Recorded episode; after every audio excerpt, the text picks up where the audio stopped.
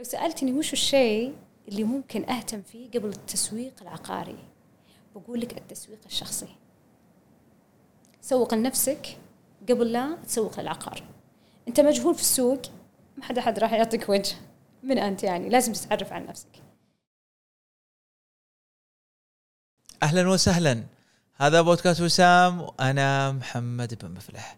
ضيفتنا اليوم هي الأستاذة أسماء العليان وهي آه، متخصصة في آه، آه، العقارية. تحدثنا مع ضيفتنا اليوم بالكثير من المحاور والأسئلة حول آه، مفهوم الوساطة العقارية وما هو الفرق ما بين المسوق والوسيط العقاري وأيضا كذلك ما هي الطرق المؤثرة لجذب عملاء محتملين وأيضا يعني الجهات التي يجب أن آه، أن يركز عليها المسوق وأيضا كذلك الوسيط العقاري لبناء علاقة والتركيز عليها بالعديد من المحاور والأسئلة التي تهم آه، هذا هذا هذه المهنة أو هذا التخصص.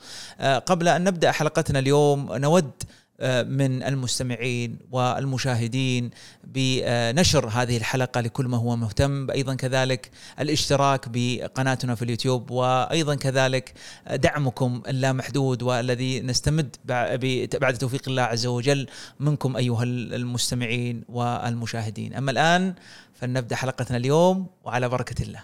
حياك الله أستاذ أسماء سعيدين جدا بوجودك اليوم معنا في بودكاست وسام. الله يحييك يا أهلا وسهلا بك آه. وشكرا لكم لإتاحة الفرصة الله الله يحفظك. أنا طبعا آه، إحنا سعيدين جدا آه، اليوم يعني بإنسانة متخصصة وأيضا هذا شغفها فيما يتعلق في الجانب العقاري والتسويق العقاري. صحيح. وأنا متأكد إن إن شاء الله بيكون الحلقة ثرية بالمعلومات وأيضا كذلك النصح والإرشادات. بإذن الله. الله يعطيك العافية. أنا طبعا من خلال تصفحي لتويتر أو إكس الآن وجدت في جملة في في متابعين يعني يتحدثون فيها جبل طويق العقاري. أكيد لها قصة معك خاصة في خلال يعني حسابك وخلال يعني دوراتك اللي تقدمينها. آه طبعا أول شيء أحب آه أمسي على أخوي آه، أبو محمد بالخير المهندس أحمد الفقيه هو اللي لقبني بهذا الاسم. تقريبا قبل سنتين جاني في مكتبي المتواضع. وتعتبر كان هذاك يعني ثاني لقاء آه، بي وزي ما تقول إنه شد شديت انتباهه فحب يعرف أسماء العليان عن قرب يعني. فجلس معي كان يسألني عن رحلتي العقارية. فلما سمع عنها وانبهر يعني في التحديات اللي أنا مارستها في السوق العقاري فأطلق علي اسم جبل طويق العقاري وأنت أهلا بذلك الله يعطيك العافية. الله يسعدك في 2000 و2012 أو 2000 اي 2012 كنت في تطوير العقارات في البداية. نعم. صحيح؟ صحيح. آه، طبعا هي آه، أول شيء يعني آه، أنا اسماء العليان من تاريخ عقاري يعني والدي عقاري عائلتنا كلنا عقارية. ف من ذاك المنطلق أنا انطلقت يعني. ف 2012 جت في بالي اشتريت أرض. فقلت ليش ما أطورها؟ وأبيع يعني. طورتها وطمعت صراحة بيني وبينك. جلست فيها يمكن آه، ثلاث سنوات بنيت لي شاليه كذا صغير. كان هو في منطقة القصيم وأنا كنت ساكنة في الرياض فصرت أروح أتردد عليه. فبعدها قلت خلاص يعني إنه في حد لازم أنا أشوف يعني حياتي العقارية مع إخواني واهلي امشي معاهم. وبعته. بعدين رحت اشتريت لي أرض. جابت لي مكسب بعت. بعدين دخلت آه، شريت لي بيت وبعت وهكذا يعني. دخلت آه، زي ما تقول تطوير شخصي يعني في البداية. بعدين انحنيت لي آه، مجال آخر. جميل. في 2017 أتوقع غيرتي النشاط نعم. أو المجال. وش نعم. السبب التغيير وش النشاط اللي غيرتيه والله هذا له قصة برضه بعد إيه. يعني. ف الحمد لله. يعني أول شيء أشكر الله سبحانه وتعالى على كل عقبة مريت فيها بحياتي. آه يعني أرى أنه دخولي في ذاك المجال ما كان مدروس يعني. ففكرت إني يعني أدخل في مجال اللي هو آه الكافيهات. آه فجأة كنت طالعة مع معرض حق قهوة. كذا بالصدفه يعني. فطبعا أنا متذوقة أحب المخبوزات وكذا يعني. فقابلت شخص والله عابر يعني ما أعرفه. فقلت له إنه أنا شاد انتباهي هذه ال ال ال إني أنا أفتح بزنس خاص وكذا. ما أخفيك والله مسكني على طرف المعرض وقاعد يتناقشني إنه ترى في فرصة وإذا أنت حابة أنا أساعدك وما أدري مش عارف إيش و... تحمست أنا إنه في أحد بيساعدني في هذا المجال هو خبير أنا ما أعرف شيء. فإن شاء الله إنه بيساعدني. ف وقتها حتى إنه ترى كان عمري يمكن 27 28 سنة يعني. فقلت أنا يلا خليني نجرب ما أذكر ذاك اليوم وأنا كنت راجعة وأنا رايحة طريق الدايري الشرقي قاعدة أفكر. بدخل التجارة. هذه تجارة مختلفة. فوصلت البيت ولا زال قاعد الهاجس داخلي يفكر فيه. دقيت على الرجل ممكن بعد ثلاث أيام. قلت له خلاص أنا أبغى أدخل في هذا المجال. اقترح لي مكان وكأنه هو مرتب الأمور كاملة هو يعني. وقلت له أوكي تمام وين؟ فقال لي في المعيقليه في الدور حق المهندسين. في هناك ترى عندهم احتياج وما أدري إيش خلينا نفتح بوفيه. وأنا وياك نصير شريك وما أدري مش عارفه إيش وكذا. أو إذا ما حبيتي شريك أكون معاكي مشغل. قلت له يلا دبرني. يلا امشي. رجال أيوه. جربين أجرب. المهم بس ما علي إلا أنا أدفع المبالغ يعني. ما اخفيك صراحة راح الرجال وما شاء الله يعني اشتغل وكلمني المهندسين ووافق المدير هناك وخلاص بنفتح. وجاب الموظفين و... وأنا كنت بس يعني دفعت مبلغ مقدم تقريبا حوالي ثلاثين ألف يعني ك يعني كبداية المشروع كبداية يعني. المشروع. اي اي فشغله الرجال يعني بدأ يعني في التجهيزات و... والأجهزة و ما سالته عن فواتير ولا أشياء مالية ولا دراسات ولا ولا شيء ولا شيء يعني جاية كذا على عماي أنا.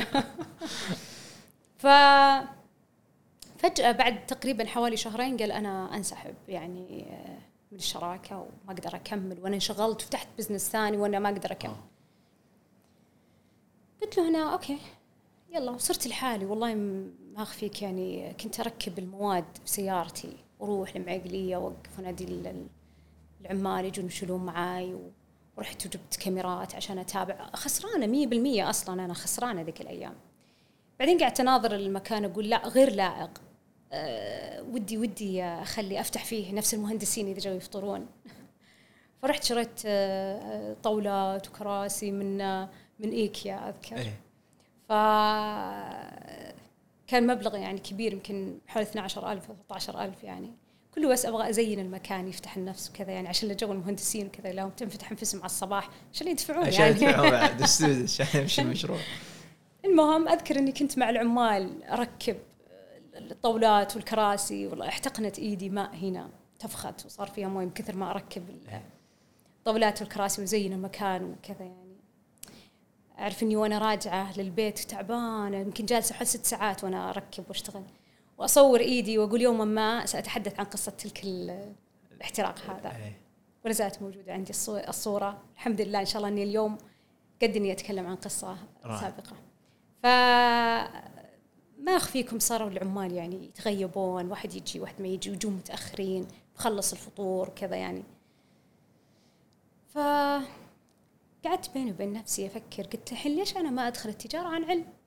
ليش أنا دخلتها كذا يعني بدون تخطيط مسبق ولا شيء؟ ولا كان عندي خلفية ابدا عن التسويق ولا عن دراسة الجدوى ولا شيء صفر يعني. ف رحت ودخلت جامعة سعود. كنت بدخل دبلوم إدارة أعمال. عشان أبني ال business حقي عن علم ومعرفة فدخلت آه، أذكر آه، كان أول آه، أسبوع وكذا يعني. اكتشفت إنه ما في إلا مش كافي صراحة. كان شو يسمونها؟ ولا حتى بوفية بقالة إيه. في نفس الجامعة. ما في غير في نفس الجامعة. طبعا مش الجامعة كانت حقت اللي هي خدمة المجتمع اللي على طريق الزبير في العوام تقريبا فيها أكثر من حول حول 2000 آه، يعني آه، طالبة. كبير كبير العدد يعني. فقلت أنا الحين أنا خسرانة في مشروع معقلي ليش ما أفتح في الجامعة يعني؟ المهم رحت للعميدة حقتهم فقلت إنه عندي أنا صاحبة كافيه وكذا يعني وإذا تسمحوا لي أفتح. ما ترددت صراحة لحظة قالت بسالك يعني وبرجع لك. بالفعل الحمد لله تمت الموافقة. ولا وزيدك من الشعر بيت؟ قالوا بنعطيك السنة الأولى مجانا. من باب آه الدعم. رائع. جدا رائع. ومشروعك الأول لا زال كان شغال لا وقت. قفلته. قفلته. كنت متضايقة. جدا يعني ما في ما في دخل. مجهد على يعني على الفاضي يعني رايحة جاية وأجيب بس صاير زي كأني قاعدة أغذيهم. ولا في أرباح ولا شيء. ففكرت إني أوقف يعني. فايش الحاصل؟ إنه دخلت يعني الجامعة والحمد لله يعني وافقوا. وبدأت شمرت عن ساعدي. أه والحمد لله فصلت كورنر يعني خاص في الجامعة و أو خلينا نقول أعطوني مساحة أكثر أكبر من 200 متر. ما شاء الله. اي آه يعني وصراحة يعني حطيت مبلغ وقدره يعني في والأجهزة ومن الاجهزه وشريت أشياء جديدة إضافية ولا يعني الأجهزة كانت جدا غالية يعني أنتم عارفين حقت الكافيهات والأشياء هذه. لأنه أنا الأجهزة اللي راح تخدم تخدم ألف طالب أو حول 2000 طالب عفوا. فصار أجي الساعة 6 للمدرسة للجامعة عفوا. أروح للكافيه أنا اللي أفتح. وبالفعل يعني كانوا يجون طالبات. أنا أمسك لين الساعة 8 يبدأ الكورس حقي. خلاص يجون موظفات حقاتي أنزل تحت أدرس. لين الساعة 12 ونص إلى واحدة على حسب المواد. بعدين آه، بس اللهم في وقت ال break برضو أرجع وأساعد. الموظفات كنت أصير أمسك, أمسك الكاشير ولا أمسك التسخين ولا أسوي القهوة. يعني صرت باريستا. والله صرت باريستا. فعلى فكرة يعني ممكن متابعين يعرفوني أنا أسمي الحب قهوة. أحب القهوة يعني. فصرت يعني متميزة جدا فيها ومتذوقة لها. فالحاصل بعدين بعد البريك أرجع أكمل دراستي. الساعة تقريبا على 12 ونص واحدة أطلع يروح الشفت الصباحي يجوني الشفت المسائي الموظفات على تقريبا الساعة ثلاثة ثلاثة ونص. أنا بكون ماسكة هنا جالسة. آه لأنه الجامعة تسكر على لين الساعة ثمان تسع إحنا نقفل. فكنت أجلس لين العصر يجي عاد الشفت المسائي. أنا أعد نفسي موظفة معاهم وقتها. ف ما نطلع الساعة 9 9 ونص. هذا كان في 2017 2018 أه تقريبا. لا لا لا لا لا. 2000 و... نهاية 18 بداية 19 تقريبا يعني. فصراحة الحمد لله يا رب لك الحمد يعني حقق ذاك الفرع نجاح كبير جدا جدا. كنت أحصل على صافي ربح آه، شهريا. أتوقع هذه يحبها كثير من الناس صافي الربح. لازم شوف لأنه شوف ناظر لاحظ إنه أنا تراني درست إدارة أعمال عشان أعرف وش صافي الربح. إيش معنى صافي الربح؟ تخيل إني قعدت سنتين أدرس عشان أدخل التجارة بطريقة صحيحة. بس يعني هذا هذا اللي خلاني أخذ الدبلومة إدارة الأعمال. 42000 صافي ربح شهريا. الحمد لله. فكانت يعني متعة حقيقية صراحة. بعدين كنت كنت في بالك وأنت رايحة هي العميدة صح؟ اي اي إي. كنت في بالك انها بتكون لا؟ أول اي إي حاطة توقعات يعني. كنت حاطة توقعات يمكن تقولي لا يعني. بس كانت توقعات عالية لا ولا؟ كانت توقعات عالية لا. اي اي يعني كانت بس لما قالت إيه قلت أنا يعني أقول سبحان الله العظيم الله أخذ مني الله أعطى مني. طبعا أنا دائما أربط حياتي دائما اتصالا بالله سبحانه وتعالى. أي خسارة على طول أقول الله مريد لي شيء أفضل منه. الله مهيئ لي شيء أفضل منه. كانت هذه هذه يعني قاعدتي في الحياة. هذا رباني عليه والد الله يرحمه. فالحاصل إنه يعني بعد الأرباح اللي أنا أستلمها ومبسوطة عليها فجت كورونا. بس قبل كورونا كم عدد الموظفين كانوا عندك؟ تقريبا آه، ثمانية ثمانية ثمانية التاسعة. كان يعني حجم كبير. ف وعشان نغطي والله يعني ما تتخيل وش قد يعني كانت الزحمة يعني. فجت كورونا لقيت فجأة نفسي أنا راجعة إلى نقطة الصفر. ولا في دخل ولا في أي شيء ولا كذا جالسين متكتفين بالبيت. ما في خطة. بقى وهذا وهذا من الأخطاء في التجارة. إنه الواحد لازم يكون عنده خطة. بقى آه، فبعد ما بدأت شوي كذا تتفتح الحياة وبدأ الناس شوي كذا يرجعون فتحت فرع ثالث في جيم كنت أقدم فيه المأكولات الخاصة بال diet. في نفس الجيم. أذكر إني شريت حتى جهاز حق حقة البرتقال بس لحالها فوق عشرة آلاف. بس عشان أبغى أقدم حاجة مميزة فعلا ل quality عالي للمتدربات. شوي شوي جاني عرض آه، من أحد الخوات عندها ما شاء الله تبارك الله تسع فروع آه، حول المملكة آه، صالون. وكل صالون تقريبا ما ما يقل عن 40 موظفة. بس 40 موظفة يعني تعال شوف الناس اللي تدخل. فاقترحت علي إني أنا أمسك جميع التسع فروع لها. إني أنا اللي أفتح كافيهات في جميع التسع فروع يعني في جميع مناطق المملكة. فقلت لها أنا خليني أبدأ في هذا الأول. بعدين إن شاء الله نفكر في نقطة التوسع. فالحمد لله وفقنا فتحت الكافيه الرابع. طبعا حق الجامعة لا زال مغلق بحكم إنه لسه الدراسة صارت عن بعد فترة طويلة يعني. حق معقلية وقفلناه. فركز في حق الجيم بالإضافة حق الصالون. فحق الصالون تقريبا كان دخله الشهري من 20 إلى 23 ألف يعني. حق الجيم كان شوي يعني ضعيف. فاشتغلت في هذا المجال إلى أن وصلت لمرحلة تعبت. لأنه كنت أنا الموردة أنا اللي أجيب أنا اللي أورد أجيب أروح الموردين أنا اللي آه، حقت الموارد البشرية أنا المحاسبة أنا اللي أشتري الأجهزة أنا كنت أدير الفرع كان فرعين متباعدين بشكل كبير إنه بشكل يومي أنا رايحة لليرموك ورايحه للسويدي شوف الفرق. آه، كان حاجة مرة مرة مرة يعني جدا متعبة. بعض المرات الموظفات يعني آه، ما يجون فتخيل اني أنا أروح بنفسي أوقف. ذيك الأيام لسه ما خلصت حتى حق الدبلوم اني كنت أصور عندي صورة أقول عمل وعلم. بعض الصور. كنت أراجع عندي اختبارات وأبيع. يعني كانت كفاح قصة كفاح مرة مرة قوية. فتعبت تعب شديد جدا جدا جدا. فأتخذت قرار إني أوقف. ما أبغى أبيع أبغى أوقف. بالإضافة آه، يعني كان في شوي مضايقات من آه، موضوع الغرامات البلدية ومدري مش عارفة إيش وزي كذا. كل شوي جايتنا غرامة وكذا يعني. ف قلت أنا داخلة بخسائر أكثر من كوني إني أدخل في أرباح ف قفلت. وقفتي على المشروع كامل؟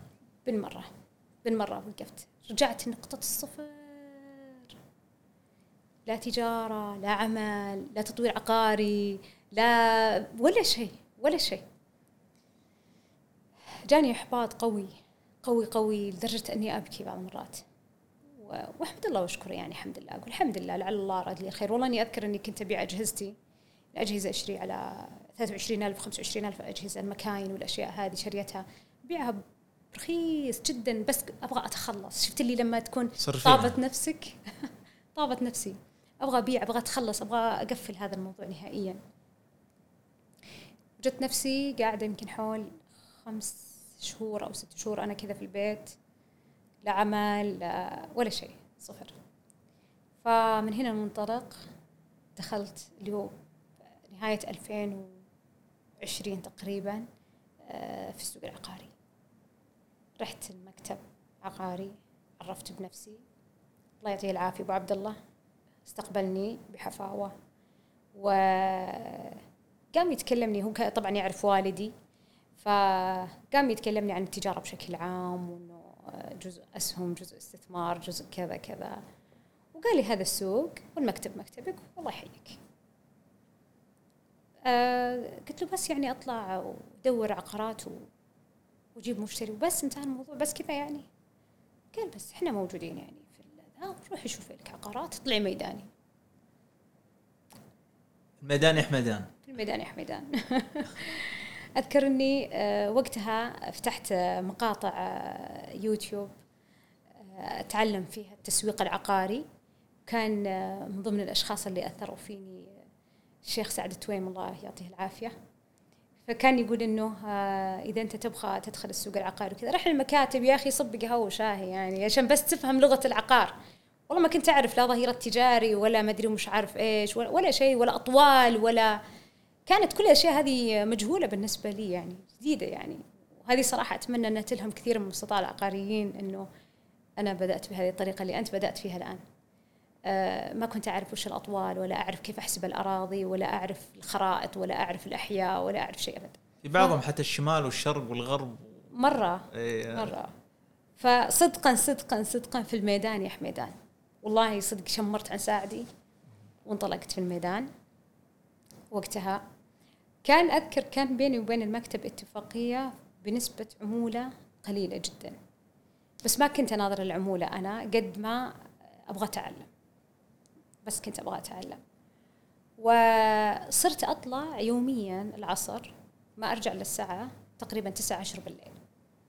أجيب عقارات أركب سيارتي كان معي دفتر أحمر لساعتك موجود معي. حددتي فيه. معينة؟ في شمال؟ شمال الرياض شمال إيه. وخاصة آه، نرجس جنوب سلمان. ركزت في هذا المنطقة في بداية الأمر. ففي ذاك الدفتر الأحمر كنت أكتب التفاصيل. شوارع أبرز الشوارع وأخطط. للحين في الخطوط موجودة عندي. هذا حيبقى ذكرياتي مدى الحياة يعني صراحة. ودور دورك تروحين إيه. تشوفين ال- ال- ال- المنازل اللي عليها عليها لوحات. لوحات إيه. إيه، وش ال وش أنت الحين راح رحت نزلتي مم.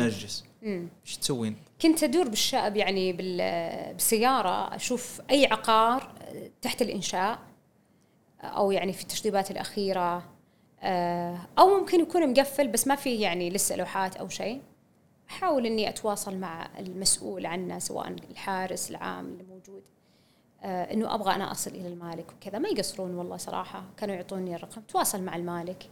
إذا تسمح لي بتسويق العقار وكذا. فكانوا ما يقصرون والله يعطوني. يعني تقولين أنت هالبيت للبيع ولا تقولين للإيجار؟ وش كان أيوة. الخيارات اللي موجودة؟ آه لا طبعا سؤال. أكيد هو آه، مية بالمية آه، العقارات المتاحة للبيع يعني. أكيد يعني.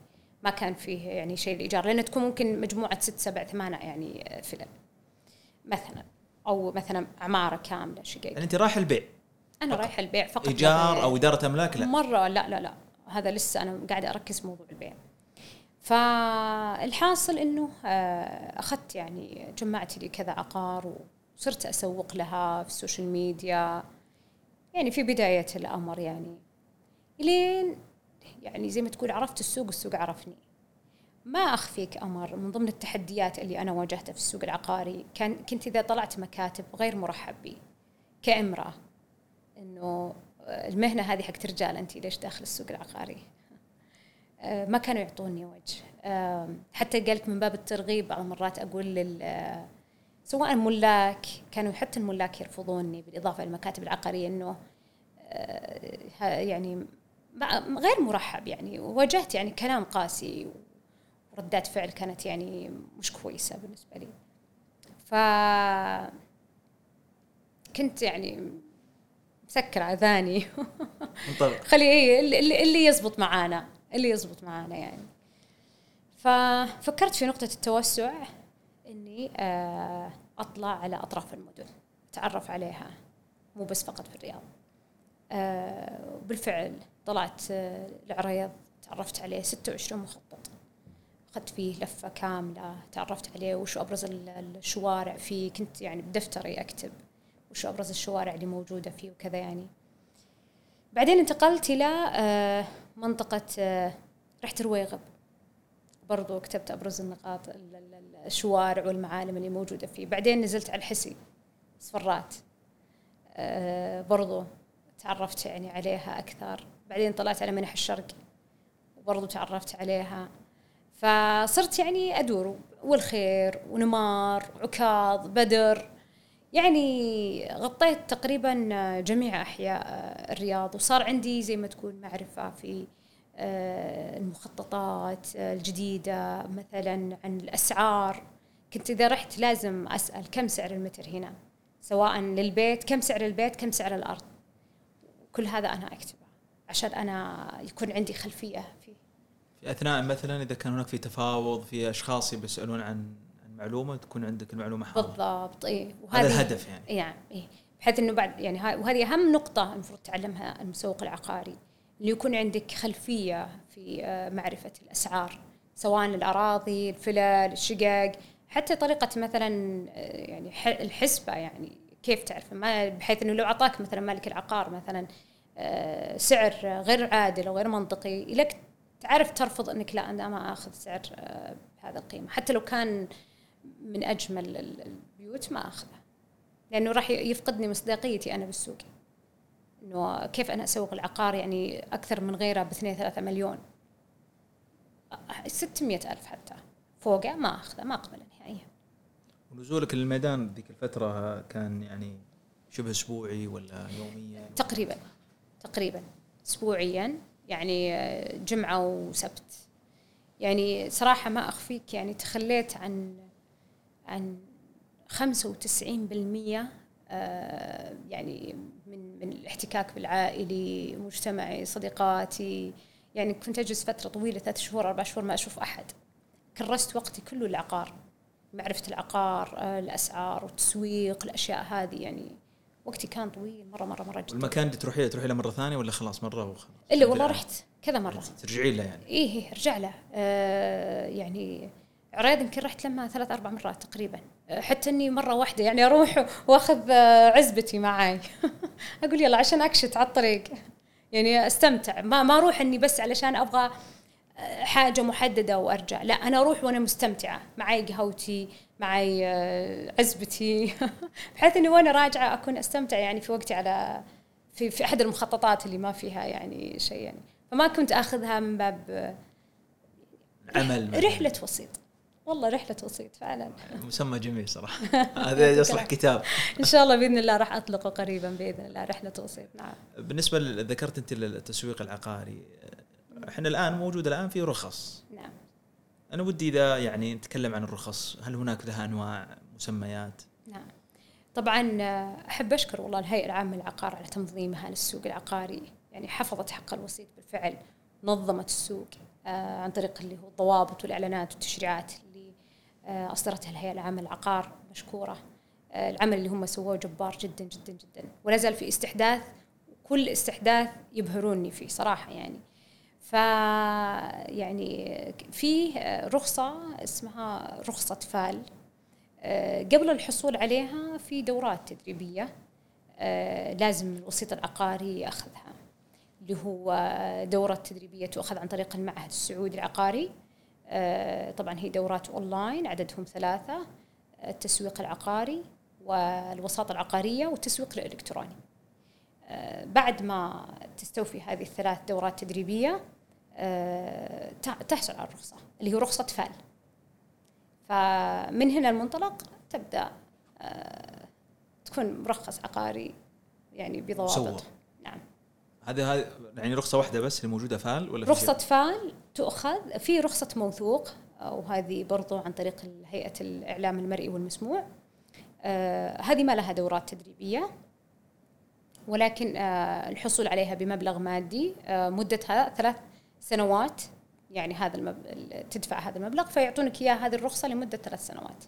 بعد ثلاث سنوات يجدد هذا المبلغ عشان تحصل على هذه الرخصة. والموثوق مرتبطة أيضا بالإعلانات العقارية؟ آه نعم موثوق الهيئة العامة لل... الاعلام المرئي والمسموع. الان سموها الآن تنظيم الإعلام هيئة تنظيم الإعلام. أيوه. نعم. هذه آه يعني إذا أنت تبي تعلن في ال social media لكن في المنصات العقارية آه لازم تكون مرخص من الهيئة العامة للعقار. يعني أنا إذا جيت أبغى أقدم إلى إلى الإعلان للعقار لابد يكون عندي الرخصتين فال وموثوق. بالضبط. إذا أنا بستخدم السوشيال ميديا. بالضبط. إيه. بس يعني في بعضهم يعني خلاص يكتفي برخصة فال وهي هي أهم حاجة للتسويق العقاري يعني ضروري فيكتفي برخصة فال والإعلان عبر المنصات العقارية فيكتفي بها بعض الأشخاص يقول لا أنا أبغى كل الثنتين عشان أقدر أعلن في المنصات العقارية بالإضافة على ال social media. بالنسبة للفال الآن قلتي في ثلاث دورات. نعم. كم كم مدتها؟ آه يعني عندك مثلا التسويق العقاري مدته يومين التسويق الإلكتروني آه، أربع أيام الوساطة العقارية يومين تقريبا. نعم. يعني فقط كمسوق عقاري لابد يكون عندي رخصة آه، فال بالضبط. ما في شيء غيره. بالضبط. وطبعا قبل لا تحصل على الرخصة تأخذ هذه الدورات التدريبية بمبلغ مالي. يعني تدفع مبلغ مالي لكل دورة تدريبية. ثم تدفع مبلغ 300 ريال لهذه الرخصة. بعد ما تستكمل هذه الدورات التدريبية الثلاثة. وتجديدها كل كم؟ كل سنة. مبلغ؟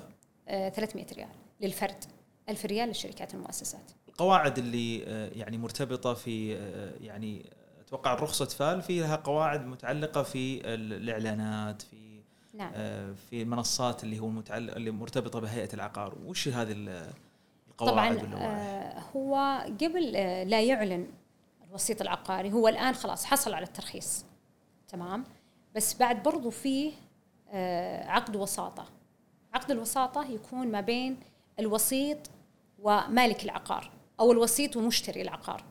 يعني في عقدين مختلفين. ال- المالك العقار آه، بعد ما الوسيط العقاري يعني يعمل عقد الوساطة يوافق عليه المالك آه، هنا في حاجة ثانية اللي هو التصدير الإعلان.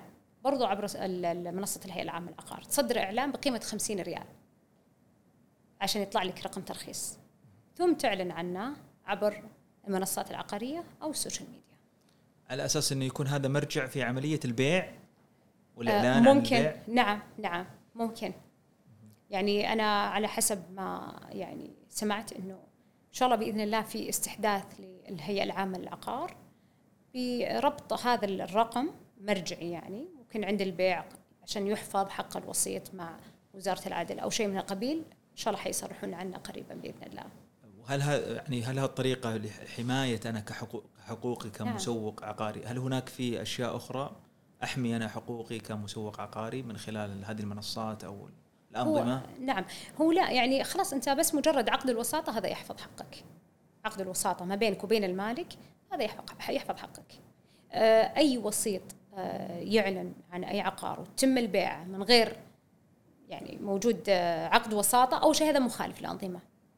آه، ثاني شيء لو المالك ما أعطاه 2.5% آه، ليس له أي حق الوسيط العقاري في مطالبة الحقوق في في المحاكم عن إلا إذا كان معاه عقد وساطة. اي بس جرت العادة أنا الآن اللي إحنا نعرفه. يعني واحد يتصل عليك أنا ترى عندي عقار وترى معي اثنين ثلاثة. ما ادري هل أندثرت هذه الحين مع النظام نعم. الجديد الحين؟ نعم خلاص. إي الآن بس فقط ال- الوسيط والمالك الوسيط والمشتري. فقط لا غير. يعني إلا في حال إنه الآن آه، كل بالاستحداث اللي صار في منصة الهيئة العامة للعقار إنه يقدر الوسيط يعني آه، يعمل عقد وساطة مع وسيط آخر. بحيث إنه يحفظ حقك حق الاثنين. عقد وساطة مع وسيط آخر. يعني بمعنى أنا الآن آه، أريد أن أعلن عن عن عقار المهم جدا أن يكون هناك فيه رخصة نعم. أو فيه عقد نعم. يعني يثبت هذا هذا التعاون أو هذا بينك وبين المالك. بينه وبين المالك. نعم. أكيد في نسبة كبيرة جدا ما يتقيدون بهذا ال- العمل صح ولا لا؟ صحيح. هل هذا الخلل وش وش مشكلته؟ آه، يعني صراحة أنا أشوف ال- ملاك العقار فعلا ما يبغون يسوون عقد وساطة مع الوسيط. وكثير يعني أنا صراحة واجهت يعني مشاكل آه، حتى الوسطاء يعني ينقلوا لي تجربتهم إنه يرفض مالك العقار إنه يعطيه عقد وساطة. يخاف إنه يدفع 2.5% ما يبغى يدفع 2.5% طيب هنا الهيئة العامة للعقار بعد ما نظمت السوق تقول طالب الخدمة هو من يدفع السعي. يعني أنا الآن أنت مالك عقار أنا الوسيطة تمام؟ أنا قدمت لك خدمة.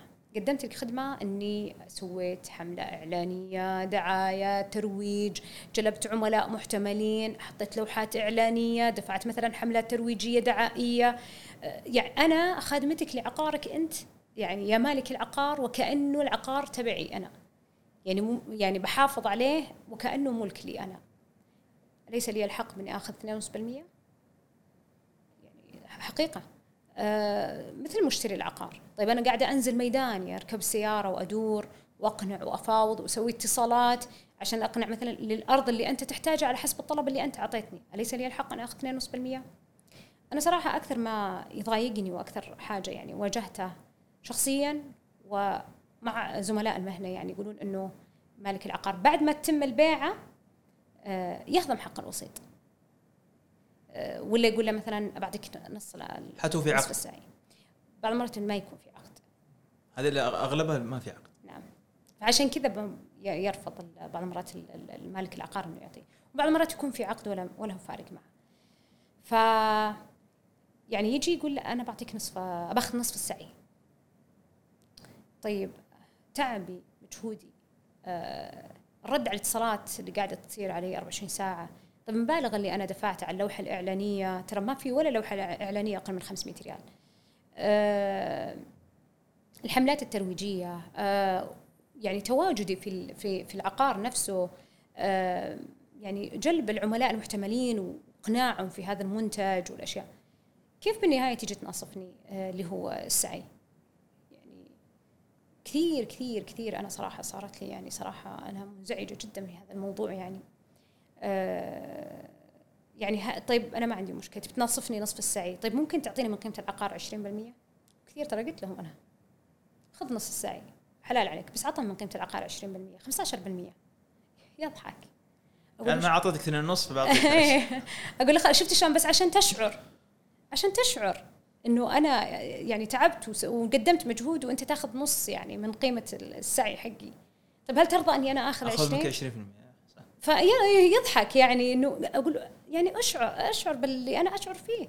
ليش تقاسمني يعني تعبي وشقاي أنا ما عندي إلا هالمبلغ هذا 2.5% يعني ممكن من المليون 25000 تقاسمني على 12000 يعني فارقة معك 12500 والله حقيقة. يعني أنت جاي جايك مكسب يعني على هذا العقار وكذا يعني عينك على النص. اللي يدفع عادة المالك ولا المشتري؟ على حسب ونص العادة. العادة العرف اللي يتكلمون عنه أن اللي يدفع السعي المشتري. لكن بعد ما نظمت السوق الهيئة العامة للعقار تقول طالب الخدمة هو من يدفع السعي. وفي مبادرات صراحة مطورين عقاريين مشكورين الله يعطيهم العافية يقولون إحنا ندعم الوسطاء العقاريين ومنا لكم مقدم 2.5% راح آه، يعني نعطيكم حقكم بالعكس سوقوا. هدفه أنت هدفك الآن مو إنك تخلي السلعة عندك هدفك إنك تبغى تمشيها. فعلشان المسوق يشتغل بذمه وضمير ضامن حقه أعطى حقوقه من الأول اتفق معاه إنك ضامن حقوقه من الأول. يعني في واحد الله يجزاه خير آه، من كل قلبي أشكره يعني صراحة. أعطاني عمارة حصرية بالكامل بالكامل حصري. فوقعت العقد اليوم شوف الأرزاق سبحان الله. وقعت العقد اليوم زين من بكرة تم بيع شقة جاي مباشرة للمالك. يعني مو من عن طريقي مش عن طريقي فاتصل علي ألو أسماء كيف الحال ترى انباعت شقة من الشقق ولكنه ترى العميل عميلي ولكن أبشري بالخير كامل السائلك من باب الحق والذمة والأمان والضمير أنا وقعت معك عقد سالتزم بدفع العمولة كاملة على العمارة إن شاء الله بإذن الله. الله. فبيض الله وجهه، والله يعني من كل قلبي والله دعيت له وشكرته. والنية سبحان الله العظيم إني أنا كنت في بداية الأمر، في بداية الأمر لسه جايبة معاي آه، مسوق اثنين. قلت آه، إن شاء الله بإذن الله بقاسمهم. يعني القسمة على بالتساوي. ما راح أقول أنا سويت حملة إعلانية أنا دفعت أنا ولا شيء بسكت يعني ابى أفاجئهم إن شاء الله. ف هذه أنا ما تعبت عليها. ولا ما تعبت عليها. يعني جت على طول كذا سبحان الله العظيم. إن شاء الله إني عندي نيتي وراح أعطيهم يعني حق مقسوم منها يعني بإذن الله بإذن الله. ما تبقى حيكون إن شاء الله بإذن الله كتقسيمة يعني بالتساوي. لأنهم هم راحوا واستقبلوا العملاء. أحس فيهم أشعر فيهم والله العظيم. ما احد طلع بالسوق وترك يعني استمتاع وجلوسه مع العائلة وتلقوا 24 ساعة على الجوال مدنق يرد على أسئلة واستفسارات ويقعد يمكن والله يمكن أكثر حاجة أنا مداومه فيها الواتساب. والله من جد من جد أرد على العملاء أرد على استفساراتهم ما ما ما أحب أخلي أي محادثة كذا فاضية لازم أرد على الجميع. فهذا لما اكتشفت يعني في حق ال social media إنه أكثر حاجة أنا استخدم الواتساب يعني فوق ثمان ساعات يمكن. والله تخيل فوق ثمان ساعات وأنا هو هو هي تعتبر الأداة أكثر فعالية في عمليه التواصل مع نعم. مع الظاهر مع المالك ومع الملاك ومع المشتري. هو انت لما تسوي حملة إعلانية بتحط رقمك تحط التواصل مع الواتس في الواتساب. فيجونك الناس بشكل مباشر يعني. فأصير اتواصل هذه نصيحة طلع لك رقم جوال. في ناس يستخدمون ظهر جوالها الرسمي يعني. أه، ولا؟ تقريبا أنا جوالي رسمي ما عندي غيره. آه. ابدا. بس هذه إيه. بس الله يعينك هي متعبة يعني. والله صراحة. بس يعني لا أنا بالحملات الإعلانية والترويجية أنا أختار لي وسطاء نشيطين وأحط أرقام جوالاتهم أه، بحيث إنهم يستفيدون أبغاهم يستفيدون. يعني كثير معظم معظم حملات الإعلانية لو ترجعون لها مو بأرقام أرقام وسطاء. رائع العقد اللي العقد اللي يكتبه هل هو المالك ولا المسوق؟ أنا أنشأ العقد. أنا أنشأ العقد. عن طريق المنصة الهيئه العامه للعقار هو يسوي له قبول. بعد ما يسوي قبول أصدر الإعلان. إحنا الآن بالسليم. والبنود؟ آه بنود العقد. آه بس الصك رقم الصك هوية المالك. لا أقصد إنه في أشياء في إضافات الظاهر هنا في العقد. لا لا يعني خلاص هو محكم بأشياء آه، بس مجرد يعني إنه هو بس يدخل آه، يحط موافقة انتهى هذا هذا هذا بند هذا هذا انتهى الموضوع يعني ما يقدر يعني طيب أنا أنا مسوق ويعني أريد أن أتفق مع المالك أنه أريد 2.5% من قيمة بيع العقار بالإضافة أنه آه، اي آه، سأعلن إعلانات في ال social media وأريد أيضا. تغطية هذه الإعلانات من قبل المالك. بالضبط. يعني عندي مثلا أنا أول ما أدخل على المنصة أحط مثلا رقم الصك هوية المالك الميلاد المالك. بعدين أحط آه، طريقة التسويق. هل هو بيع؟ هل هو تأجير؟ هل هو بيع وتسويق؟ هل هو تسويق؟ تختار أنت ال... بس قبلها أنا متفق مع المالك. طبعا طبعا طبعا. ما يعطيك أصلا ال- أنت كيف تعرف الصك أصلا رقم الصك؟ لا لا اقصد. آه، اتفاقات بال اي بال-. بالمبلغ هذه نعم نعم. سواء آه، يعني آه، مبلغ مالي مقدم أو إنه مبلغ مالي للحملة الإعلانية مع 2.5% يعني في اتفاقات مسبقة تح- تحدد أنت ال- ال- الأيقونات اللي موجودة في الهيئة العامة للعقار تجي له المالك رسالة ويقبلها وخلاص من خلال خبرتك وش اللي يفضل المالك؟ يعني أنا لا أريد أن أخسر المالك، أريد آه. يعني أتفق معه وأكسب هذا المالك ويستمر معي. 2.5% أغلب اللي أنا أتعامل معاهم يقول أنا ما أبغى أدفع مقدم. أبغى أعطيكي من ال- العمولة يعني بعد ما تبيعين العقار. طبعا ممكن بعضهم أنا أجلس ثلاثة شهور أسوق العقار على حسب المدة اللي متفق بيني وبين المالك ما بعت العقار. مجبر إنه يعطيني 2.5% انتهى. ويقدر المالك يتفق مع أكثر من مسوق للعقار؟ نعم. آه، في عدد محدد ولا ما في؟ آه لا ما في عدد محدد. بس في- في مدة محددة. في تسويق هذا العقار لكن ما في عدد محدد وأتمنى صراحة من الهيئة العامة للعقار تحط عدد محدد أتمنى بس أنا مثلا أنت أستاذة أسماء سوقت وأنا محمد مفلح سوق في نفس اللحظة. مم. أنا اتفقت معه وأنت اتفقت معه. مم. ما يصير في تضارب؟ لا ولا أنت بعته أنت حتأخذ 2.5% أنا بعته هنأخذ 2.5% على حسب المسوق اللي يبيع هو اللي ياخذ العمولة في ناس يعني يبغوا يعرفون وش الفرق بين المسوق والوسيط العقاري، في فرق ولا نعم. هو ولا؟ طبعا آه، المسوق أو التسويق آه، هو اللي يعرف التسعير المنتج المكان والترويج هذا هو يعني خاصية اللي هو التسويق آه، التسويق بشكل عام يعني. لكن لو رجعنا للوساطة العقارية هو الوسيط اللي مع أصلاً من مسماها وسيط. ما بين المالك والمشتري مثلا أو البائع والمشتري المؤجر والمستأجر هو اللي يقرب وجهات النظر هو اللي يقفل الصفقات هو اللي ياخذ عملاء المحتملين لمواقع العقار يقنعهم يقفل الصفقات آه، بالإضافة آه، الوسيط قد يكون يعني يمسك إدارة الأملاك إدارة المرافق يعني هذا الوسيط العقاري وش الجهد ال- الأكبر والتعب؟ آه، شوف يعني صراحة الت- التسويق شيء كبير علم علم مرة مرة كبير يعني لو رحت مثلا الشركات في ناس مخصصين في البحث عن الفئة المستهدفة في ناس متخصصين مثلا في الحملات الدعاية والإعلانية والترويجية في ناس متخصصين في فالمسوق له جهد والوسيط له جهد يعني في جهد هنا وهنا طيب السؤال هل ممكن أنا أكون مسوق ووسيط عقاري صحيح. في نفس اللحظة؟ نعم أقدر أصير مسوق ووسيط عقاري بنفس اللحظة نعم. وأتوقع إنه ما, ما هي ذيك الصعوبة ولا؟ آه. إي نعم نعم. إي عاد ما في صعوبة يعني. متى نقول إحنا أشياء مثلا مرة صعبة؟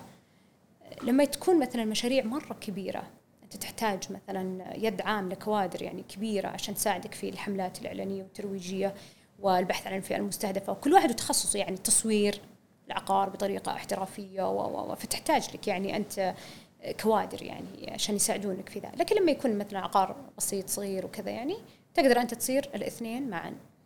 في في مصطلحات يعني في المسوق والوسيط المسوق والبائع العقاري. وش الاسماء هذه؟ طبعا المسوق هو دائما اللي يبحث عن الشريحة آه، المستهدفة زي ما ذكرت لك. آه، هو اللي يسوي الحملات الإعلانية والدعائية. هو اللي يجلب العميل لموقع العقار. عن طريق الفضاء الإلكتروني. نعم اي قد يكون إلكتروني قد يكون ورقي قد يكون لفظي قد أي يعني طريقته هو تسويق يعني تسويقه بحر بحر كبير كبير كبير. صراحة آه، أحبه. تسويق وجدت نفسي فيه فعلا فعلا. فهذا بالنسبة للمسوق. لكن البائع مفهوم الأشخاص عن البائع إنه هو مالك العقار. وهو بالصحيح إنه البائع هم المسميين بقسم المبيعات. يعني أنا الآن مسوق آه، سويت الحملات الإعلانية والدعائية والترويجية آه، درست السوق جلبت العميل المحتمل إلى مثلا موقع العقار. العقار بيكون هناك فيه قسم المبيعات هو البائع. لما أنا أجيب العميل المحتمل إلى مقر العقار آه، هنا دور عاد البائع إنه يقنعه بالمنتج ويقنعوها في مميزات المشروع آه، وبنفس الوقت يقفل معاه الصفقة. يعني لو شفت بعض المشاريع الكبيرة دائما يصير مثلا فيه آه، شقة متخصصة أو مثلا غرفة خاصة تكون لقسم المبيعات. فهو هذا هو البائع اللي يقنع المشتري ويظهر مميزات المنتج ويقفل معه يقفل الصفقة. المسوق كم نسبته والوسيط كم نسبته والبائع كم نسبته ولا والله هذه تعتمد برضو يعني على مالك العقار وحسب الاتفاقية معهم. قد تكون يعني ممكن لما نقول بائع ومشروع وعدة بائعين موجودين مثلا قسم المبيعات ممكن ثلاث أربع أشخاص ممكن يكون في اتفاقية أنه العقار ما نناظره إذا كان كبير ما نناظره على 2.5% أنت مثلا العقار كم يقدر؟ عشرة مليون؟ كم نسبة السعي؟ 250 ألف توقع؟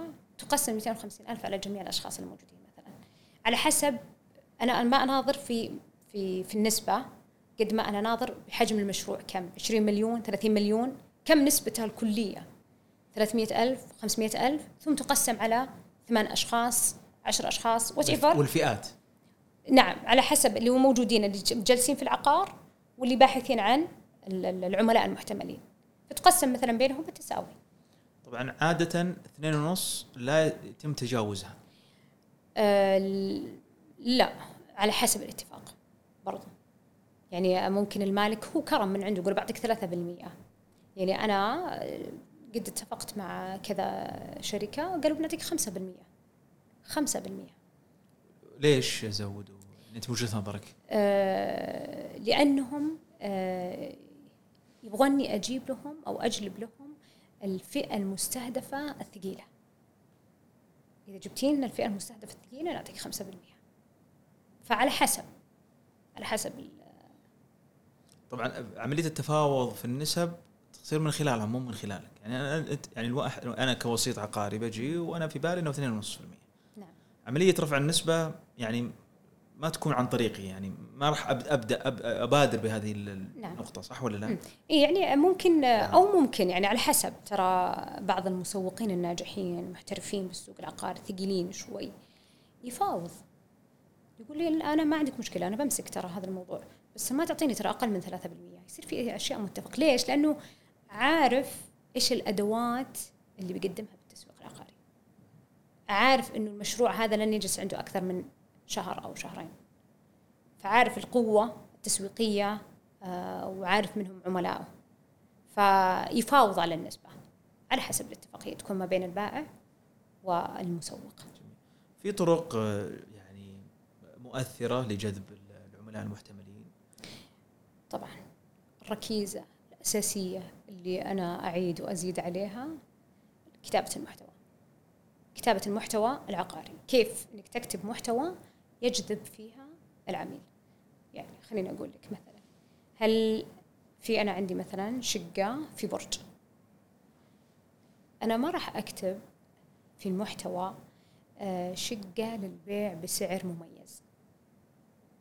لأنه الفئة حقتي مش الفئة المستهدفة مش من ذوي الدخل المحدود أو مثلا لا أنا الفئة المستهدفة حقتي يحص يعني ما عنده مشكلة يدفع خمسة مليون ستة مليون على شقة لكن الموقع مميز. لذلك أنا أكتب في المحتوى مثلا شقة فاخرة في أعلى برج كذا مميزة تطل على ثلاث واجهات. أنا هنا لمست الإحساس عند المشتري المستهدف. لكن لما تكون أنا مثلا فئتي المستهدفة من ذوي الدخل المحدود أو مثلا من ذوي يعني ما تكون رواتبهم يعني مرة ضخمة أو شيء من القبيل فأنا ممكن يكون محتواي اللي هو عن السعر فيلا آه، في حي كذا بسعر مميز.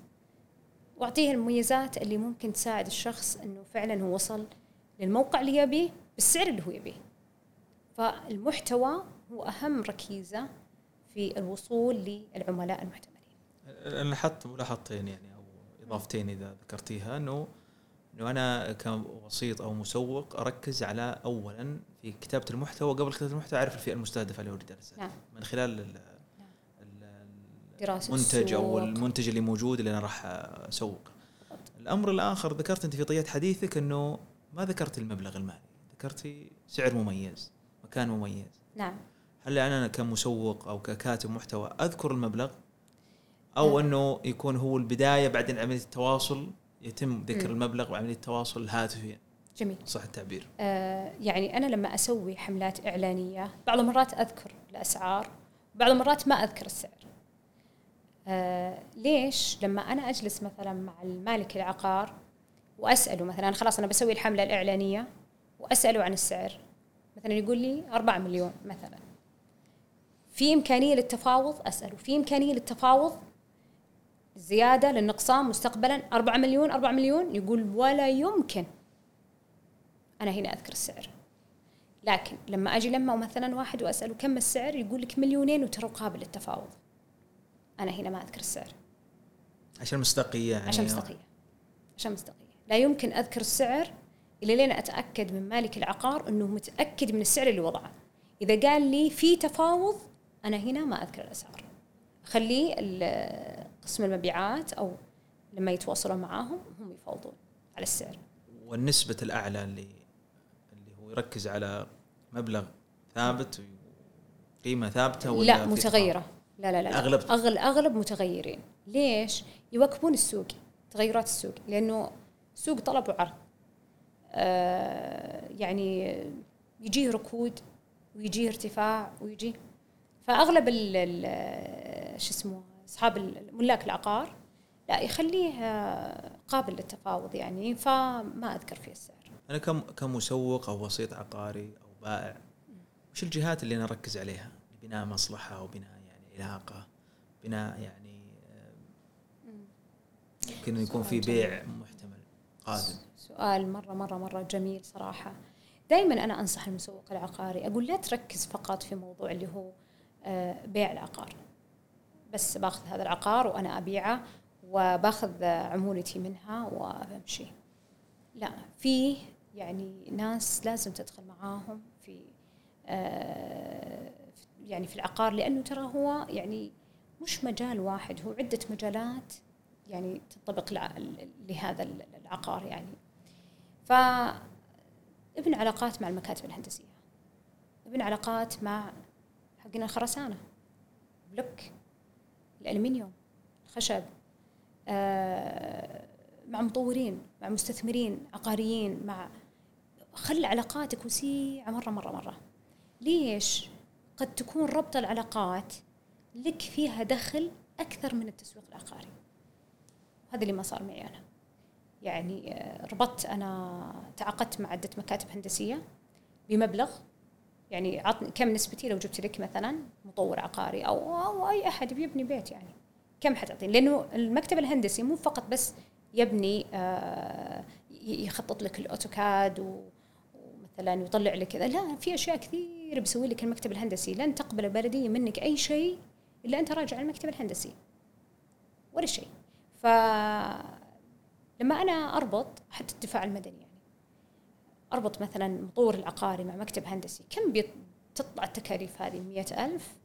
مئة وخمسين ألف؟ حيعطيني عليها 12% 15% آه حقين الخرسانة مثلا أنت تبي تجيبها مثلا مشروع كبير كم النسبة اللي حتأخذها؟ مثلا مصنع بلك. سبق يعني واحد آه، يعني صاحب مصنع قال بعطيك نص ريال على كل بلكة. على كل بلكة بعطيك نص ريال. هذه لو جبت أنا ثلاثة مليون بلكة وردتها لا يقل عن مليون ونص دخل لي أنا بس. فلما أنا أربط المصنع تمام بمطور عقاري يعني مش مطور مع عدة مطورين. وأنا طبعا لا لا تربط أي علاقة إلا أنت موقع يعني على عقد. شفت المناديب؟ إيه. كثيرين الأجانب المناديب اللي داخلين في والله يوم محصلين فلوس. طحت فيهم. عرفت كيف من وين ثروه؟ عرفت إنهم ليش يقومون ويكرفون يقولون ترى الدنيا فيها خير السعودية فيها خير. عرفت السر فعلا إنه كانوا يربطون بس علاقات ويأخذون عمولتهم نسبة. يعني لا يقل شهريا يأخذ عشر ألاف فوق راتبه. بس أهم شيء لازم يكون موثق بينك وبين الجهة. بينك وبين الجهة. النسبة اللي اللي مصانع المطورين ايا كان. أنت بتض... آه أنت الفئة المستهدفة اللي هم المصانع ومن المصانع يعني هم الفئة المستهدفة. ليش؟ لأنهم يبغونك تربطهم بالمطورين المطورين أنت مسوق عندهم. اربط الاثنين مع بعض. وخذ عمولتك. يعني قد الخمس شهور هذه ما وفقت في بيعه. بس أخذت من مصنع بلك مبلغ 5000 10000 20000 30000 مكتب الهندسي. يعني فيها فيها خير. هو أهم شيء الواحد يتحرك. صح.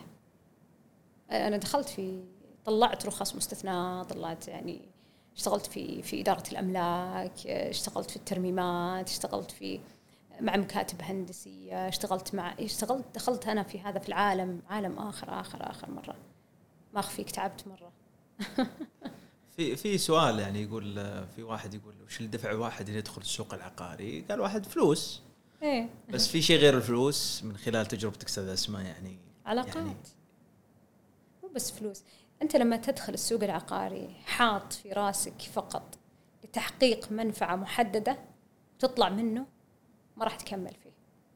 لما تدخل السوق والتسويق العقاري عشان تطمع فيه وتدخل التطوير العقاري فأنت في الطريق الصحيح. يعني في بعضهم يقول أنا والله عندي مخالفات بقيمة عشرين ألف أبغى أبيع بيعة عشان بس أسدد هالديون اللي علي. كثير ترى سمعتها من المسوقين العقاريين. قلت ما راح تكمل. ما راح تكمل. لكن المسوق العقاري لازم يصبر. لازم يصبر ويصير داخل هذا السوق وهو يعني متحمل كل شيء فيه. صابر عليه لأنه يبغى بالنهاية يحقق تجارة وليست منفعة محددة. بمعنى أنه أنه يكون مسوق عقاري بعده يكون مطور مثلا ولا صعب أنه أنا أصبحت مطورة عقارية حاليا. الحمد لله. يعني دخلت أنا في هذا المجال يعني وبعدها انتقلت إلى إدارة الأملاك ترميمات وترميمات والرخص والأشياء هذه. بعدين الحمد لله الآن أنا مطورة عقارية. في مع جهات محددة شركات. آه، بس مركزة في موضوع التسويق العقاري. جميل. لأني أحب أنا أحب التسويق أكثر. يعني أنا كمسوق عقاري وش النقاط اللي لو يعني لخصنا ركز عليها كنقاط رئيسية؟ ويكون عندي دراية فيها على أساس أنه أمشي وأنا واثق. واثق أني ماشي على الطريق الصحيح. أنا أبغى له طريق المنحنى آه، أول شيء يعني صراحة آه، نصيحتي يعني المسوق العقاري آه، أول ما تحقق سعي لا تفكر إنك تبي تشتري فيه شيء محدد أنت تبغاه نفسك تبغاه أو إنه مثلا يعني تبغى تسدد ديون أو كذا. حط جزء منها ادخار لاستثمار. لا تحط كل شيء في مكان واحد. عادي استمتع ما يمنع بس حط الجزء الأكبر للاستثمار. إذا أنت فكرت بهذه الطريقة فأنت بالطريق الصحيح وليس المنحدرة. صدقني. جميل جميل. في يعني لاحظت أنا في الفترة الماضية في عملية طريقة الإعلان للعقار. وما نعرف والله هذه هذه الطريقة هذه صحيحة ولا خطأ؟ يعني هل في قواعد محددة؟ أنت من خلال خبرتك وممارستك والله هذه الطريقة صحيحة. وهذه الطريقة لا خاطئة. آه، مرت عليك يعني؟ يعني الإعلانات العقارية آه، زي ما ذكرت يعني مسبقا لازم أول شيء تتعلم اللي هو كتابة المحتوى. بالإضافة تعلم على آلية الدعاية والإعلان والترويج. إذا أنت دخلت في مجال وأنت ما تعلمت فيه يعني درست آه، كيف آلية التسويق فيه ما ما راح تنجح يعني. فالإعلان العقاري آه، زي ما ذكرت لك إنه أول شيء تكتب المحتوى بعدين آه، تختار الفئة المستهدفة ثم تبدأ العمليات الإعلانية والترويجية للفئة المستهدفة. تعلم من ضمن الأشياء اللي أنا تعلمتها آه، طريقة التصوير العقاري بطريقة مميزة محترفة بالإضافة إلى طريقة اللي هو الحملات الإعلانية والترويجية. بعض الشركات تاخذ منك مبلغ كبير عشان تروج للمحتوى اللي أنت كتبته. طيب ليش أنت ما تتعلم؟ ترى الموضوع مرة ايزي ولا يكلفك ولا 200 ريال. يعني في في مسوقين تلقاه يدفع 5000 10000 لشركات مسوقة عشان يروجون لهذا الإعلان ترى مبلغ ما ياخذ ولا 200 ريال. تعلم. هذه نصيحتي تعلم. رزق ناس على ناس. يعني تقدر أنت تصير كله يعني في التسويق. لا تكون فقط أنا بروح باخذ هذا العقار من واتساب وبعدين بروح أعلن له في أو بسوي له تحويل وأنا ما أدري كم عدد الوسطاء اللي موجودين فيه. وهذا اللي أنا قاعدة أشوف الأخطاء اللي يقعون فيها المسوقين العقاريين. يدخلون في جروبات تمام؟ بعدين يحولون البعض من من من من من إلى فلان. بس انتهى الموضوع. بعدين لو تم البيعة تعال شوف المشاكل اللي تصير و و و تسأله تعرف أنت التسويق؟ أنا خلاص أعلنت لهذا العقار. طيب كتبت محتوى. وش هو المحتوى؟ يعني في ناس وش وش وش هو محتوى يعني؟ آه طيب آه تعرف كيف تسوي حملات إعلانية ترويجية؟ طيب تعرف تصور العقار؟ والله يعني حتى أنا دخلت بال والله جوجل عظيم. قسم بالله يعني تعلم في دقيقة. تعلم في دقيقة كيف آه، تعلمت أنا كيف أصور عقار في 15 ثانية. بس حنا ناس ما تحب تطلع من منطقة الراحة. يحبون إنهم يجلسون يعني آه، في منطقتهم. الخروج من منطقة الراحة هي اللي توسع مداركك وتوصلك اللي أنت تبغاه. لكن إنك إذا أنت ظليت في هذا نفس المكان عمرك ما راح تتقدم. تعلم كيف تصور تعلم كيف تكتب محتوى تعلم كيف تعلن كيف تروج كيف كيف تصل العلاقات يعني العلاقات كيف أنا أصل. والله أنا لما كتبت الكتاب حقي كتبت يعني جزء من من كتابي عن الأخلاق واللباقة بالكلام الابتسامة آه، الأسلوب يعني يفتقدها كثير من الناس. يعني الأخلاقيات والله يفتقدها كثير من الناس. خليك طيب يا أخي يا أخي طلع كلمات حلوة لبقة لأنه مسوق العقاري أو مسوق بشكل عام يعني. يعني الآن لو أنت طلعت مثلا مول زين تطالع معك مبلغ محدد. ما تبغى تتجاوز مثلا 500 ريال مثلا ولا معك أصلا غيرها ممكن. بس إنك أنت مضطر إلى حاجة محددة تبغى تشتري.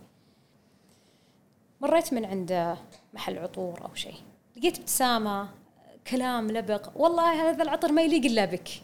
والله لا التفت. وش اللي بيليق بي يعني الكلمات كلمات يعني هذه يفتقدها يعني كثير من الناس يعني. استخرج الكلمات اللي تقدر تجذب فيها اللي هو العميل. أنا رايحة بشتري شيء ذا والله لا أتنازل على كلمتي يليق بي والله ما يليق اللي يليق بي أنا أبغاه. صحيح. حقيقة. يعني من خلال يعني يعني ما يتعلق إحنا تحدثنا بشكل كبير جدا عن الملاك. أيضا عندك المشتري الحين هذه بعد قضية ثانية. نعم. أنا كمسوق الآن الآن أنا مسوق آه، عندي علاقات مع ملاك ومطورين عقاريين. آه، الآن ما يتعلق في المشتري الآن هذا أيضا قضية أخرى. إيش الأسئلة اللي أنا ممكن من خلالها أبدأ مع المشتري؟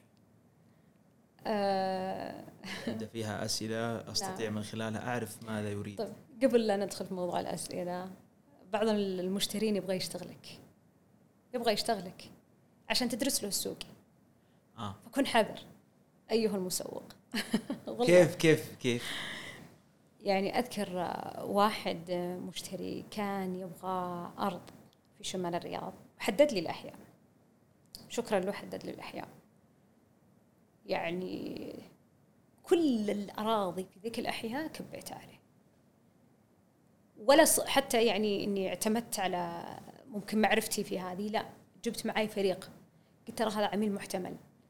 مرة. ترى جازم وكاش. خلونا نشتغل عليه. فجبت معي ثلاثة برضو انطلقوا بالسوق يدورون يعني. فكنا نرسل له يعني. ما بي ما بي. لا لا. فأنا أعطيته تقريبا سبع عروض. فلان أعطاه ستة وفلان أعطاه خمسة وهكذا يعني. فلم أعطيناه كل الحي. قال لا لا لا عرفت إن الرجال قاعد يشتغلنا يشتغلك. يبغى يعرف أسعار المنطقة عن طريقك. لأنك أنت بتطلع بتجيب له أشياء حقيقية. فكن حذر. هو يعني ممكن يكون عنده منتج بيبيعه مثلا أو بشيء بيشتريه. ممكن يبي يشتري وبيعرف وبيعرف السوق عن طريقك. ويشتغلك. يعني فعلا حقيقة.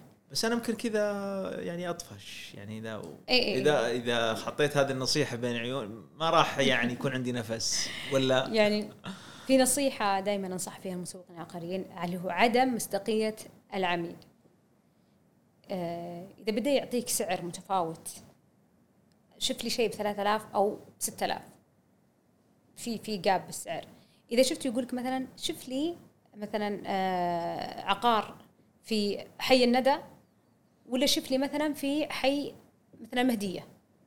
شوف شلون الجاب أعرف إنه هذا ترى غير حقيقي. أو مثلا مرة يقول لك عطني فله مرة يقول لك عطني شقة مرة يقول لك عطني أرض. يعني تفاوت في الطلبات. اللي يتفاوت بالطلبات أعرف إنه هذا عميل غير جاد. قد يكون قد قد يكون مسوق. لابس ثوب المشتري. وهو مش مشتري. فبرضه خليك حريص. كيف أنا أمسكه يعني؟ مع اللي توجعه. أول ما يجيني ويعطيني مصداقيته وجديته على أساس إنه هو مشتري أسأله أسئلة أول شيء. آه اسم الكريم؟ هل أنت مشتري أم معك مشتري؟ آه نوع العقار؟ الحي؟ مساحة؟ حدود؟ آه كل الأسئلة هذه هل أنت كاش هل أنت بنك هل أنت مدعوم؟ كل الأسئلة هذه أسئلة تعطيني إياها بحيث إنه لو جبت له العقار اللي هو يبغاه وبالنهاية طلع مسوق أقول أنا سألتك سؤال 2.5% هذه حقتي أنا مالي دخل فيك. خلاص أنا مسكته مع ايد واللي توجعه بالإضافة وهذا ما صار معي وقت قريب قام قال لي واحد أنا أبغى أرضين بجنب بعض قلت له أبشر. وين تبي؟ حدد لي الأحياء. قلت له ممكن نسوي عقد وساطة؟ ولا دق ولا أرسل ولا كلم. راح. خلاص على طول. راح. ما عنده جدية. قلت له كلمته. قلت له أنا ما عندي مشكلة بخدمك. وفيك فيك 2.5% فيك فيك. فخليني أسوي معك عقد وساطة. تمام؟ بس تعطيني جديتك فيها وابشر بالخير عشان أنا أبعطيك من وقتي. قلت له كذا أنا بعطيك من وقتي. أبنزل ميداني ممكن. واصور لك العقارات اللي أنت تحتاجها. و و يعني أعطيته وش الخدمات اللي أنا بقدمها له. بالمقابل سوي معي عقد وساطة. لأنه فيك فيك 2.5% فخلينا نسويها عقد لأن العقد يعطيني مصداقية. هل تكون ثابت عندي هذا الشيء؟ يعني بمعنى أي أحد تواصل معي وأعطيه الأسئلة اللي ذكرتها قبل قليل وشفت في تجاوب بعدين قلت أبغى عقد بيني وبينك. إيه. هذه ب- نهاية ال- المحادثة إيه عقد. عق- عطني عقد. لأنه أصلا فيك فيك أنت بتعطيني 2.5% بس عشان تعطيني من جديتك. بعضهم ما يقصر يقول أبشر والله يعطيني. وبعضهم آه، يروح. ذهب ولم يعد آه ذهب لم يعد وبالعكس أنا عشان بس لأنه المسوق العقاري هو ما يدفع مبلغ مالي هو يدفع عمره. وقته الوقت الوقت حقي أنا أثمن يعني مما تتوقع. اثمن من المال اللي هو الوقت حقي. أنا قاعد تقريبا خمس خمس ست ساعات عفوا. أنا قاعد أيام. الم- والأيام كل يوم ثلاث أربع خمس ست ساعات عشان أبحث لك عن العقار اللي انت تبي. فبالمقابل يعني 2.5% يعني. فجد علي بعقد. أنت ذكرت قبل شوي يعني الأخلاق وال- نعم. في مصطلح كذا أنا لفت انتباهي. المخدر العقلي. ما أدري وش المصطلح. العميل. أو العميل. وش ال- وش المخدرات؟ سوت فينا شر أنا خايف. نكشف السر وبعدين خلاص العميل يعرف يصير عارف كل إيه، شيء. والله شوف ناظر الإنسان سبحان الله العظيم يحب الكلمة الطيبة. و... والرسول صلى الله عليه وسلم يعني ذكر والكلمة الطيبة صدقة. فالمخدر العقلي دائما العميل كيف أقدر أخدمك؟ لما أنا يعني أتصل على أحد ويرد علي ألو حياك الله معك فلان كيف أقدر أخدمك؟ أنا هنا بكون مرتاحة. وبعطي اللي عندي. ليش؟ لأنه أعطاني انطباع جيد إنه هذا حيخدمني من كلماته الطيبة. فالمخدر العقلي دائما مع من المسوق للعميل كيف أقدر أخدمك؟ ما قلت قلت لك قبل شوي موضوع اللي هو لما تمر في السوق ويصير ما يليق إلا هذا بك. فالكلمات هذه سبحان الله العظيم يعني تخدر فعلا تخدر الإنسان كلمات الإنسان يعني يعني يحب الكلمات الطيبة الرسول صلى الله عليه وسلم امتدحها واثنى عليها يعني في في مصطلحات يعني في الجانب التسويق العقاري يعني يعني الله يكون في عونكم يعني نعم والله يكون في عون الشخص اللي يريد أن يلتحق في هذه السوق. المهنة وهذا السوق. الاتفاقية ما بين اللي هو العمولة والعقود، وش الفرق بينها؟ هي اللي زي ما ذكرناها يعني قبل شوي إنه إنك العقود إنك تعمل عقد وساطة مع المالك. أيوه. ويكون في اتفاقية اللي هو على مثلا المبلغ آه سواء التسويق أو مثلا يكون مبلغ مقدم يدفع أو مثلا عمولة يتفق عليها الطرفان. بس العرف اللي هو 2.5% بس قد بعضهم يقول لا أنا أبغى مثلا 3% 5% على حسب الاتفاقية تكون ما بين آه المسوق. وال أيوه البائع. يعني أنا كم كمسوق عقاري آه، هل مهم جدا أن يكون عندي معرفة في انواع العقارات السكنية؟ أتوقع بتقولين نعم لابد نعم، أكيد. هي هذه وش انواع العقار اللي موجود يعني السكنية؟ وش الأنواع؟ آه. وش مسمياتها؟ يعني في أنواع العقارات السكنية مثل يعني تبدأ مثلا قصر فيلا آه، شقة townhouse duplex roof قليل من الناس يعرفوا وش ال roof آه، ال roof؟ دائما تجي مثلا دور أول الدور الثاني roof. بعضهم يقول دور أول دور ثاني شقة ومش شقة ما تسمى الشقه تجي في مجمع سكني كامل. لكن هذه تعتبر الروف اللي هو الدور الثالث اللي بعد مبنيين يعني طابقين فوق بعض. يعني أنا لابد يكون عندي مؤهلات معينة في عملية التسويق العقاري. يعني لابد أن يكون عندي آه، مثلا درجة ال- البكالوريوس أو مثلا إدارة معينة لا. تخصص معين؟ نعم. آه لا مو بشرط. يعني آه قيل إنه التسويق العقاري أو السوق العقاري بشكل عام إنه هو مهنة من لا مهنة له. آه، يدخلها العسكري ويدخلها الدكتور يدخلها المهندس ويدخلها المدرس ويدخلها حتى ربة المنزل حتى يعني جميع الأشخاص يقدرون يدخلون السوق العقاري. لكن وين النقطة المهمة في الدخول لهذا السوق؟ هل أنا شخصيتي توافق لهذا السوق؟ هل أنا اجتماعي؟ هل أنا صبور؟ هل أنا إنسان يعني آه عندي جلادة آه لمواكبة هذا السوق وتغيراته وتقلباته؟ هل أنا عندي صبر في حال مثلا غلط علي العميل أرد عليه بابتسامة وأهون عليه وأمتص غضبه؟ هل أنا يعني هذه تندرج على شخصية الشخص يعني ممكن يدخل فيها جميع ال- ال- ال- الأشخاص في جميع الشهادات في جميع أو غير الشهادات يعني لكن ال- النقطة المهمة هل أنا قيادي؟ هل أنا تحليلي؟ هل أنا تعبيري؟ هل أنا تنفيذي؟ هل مي- مين أنا؟ وشو شخصيتي؟ أدرس من أنت يعني بدون مبالغة أنا يعني في قصة ممكن خلف الكواليس عندي ما ذكرتها. عميقة يعني جدا. ف بس بالمختصر أني أنا آه، أذكر أني رحت لتحليل شخصية جاوبت على 150 سؤال وأرسلوها لأمريكا عشان يحلون وش شخصيتي وما أدري مش عارف إيش وكذا، ليش؟ لأني تعبت أنا في التنقل من من مجال إلى مجال إلى مجال إلى مجال. نمطك؟ تسويقي. آه. تسويقي. عرفت نقاط القوة اللي عندك عرفت نقاط القوة اللي عندي وعززتها. واستمريت فيها يكون قلوب عندي. قلوب اسمه والله نسيتها صراحة إيه. لكنهم أرسلوا لي ملزمه هذا كبرها هذه شخصيتي. دفعت مبلغ وقدره من هي أنا؟ شوفي أنا بالضبط يعني.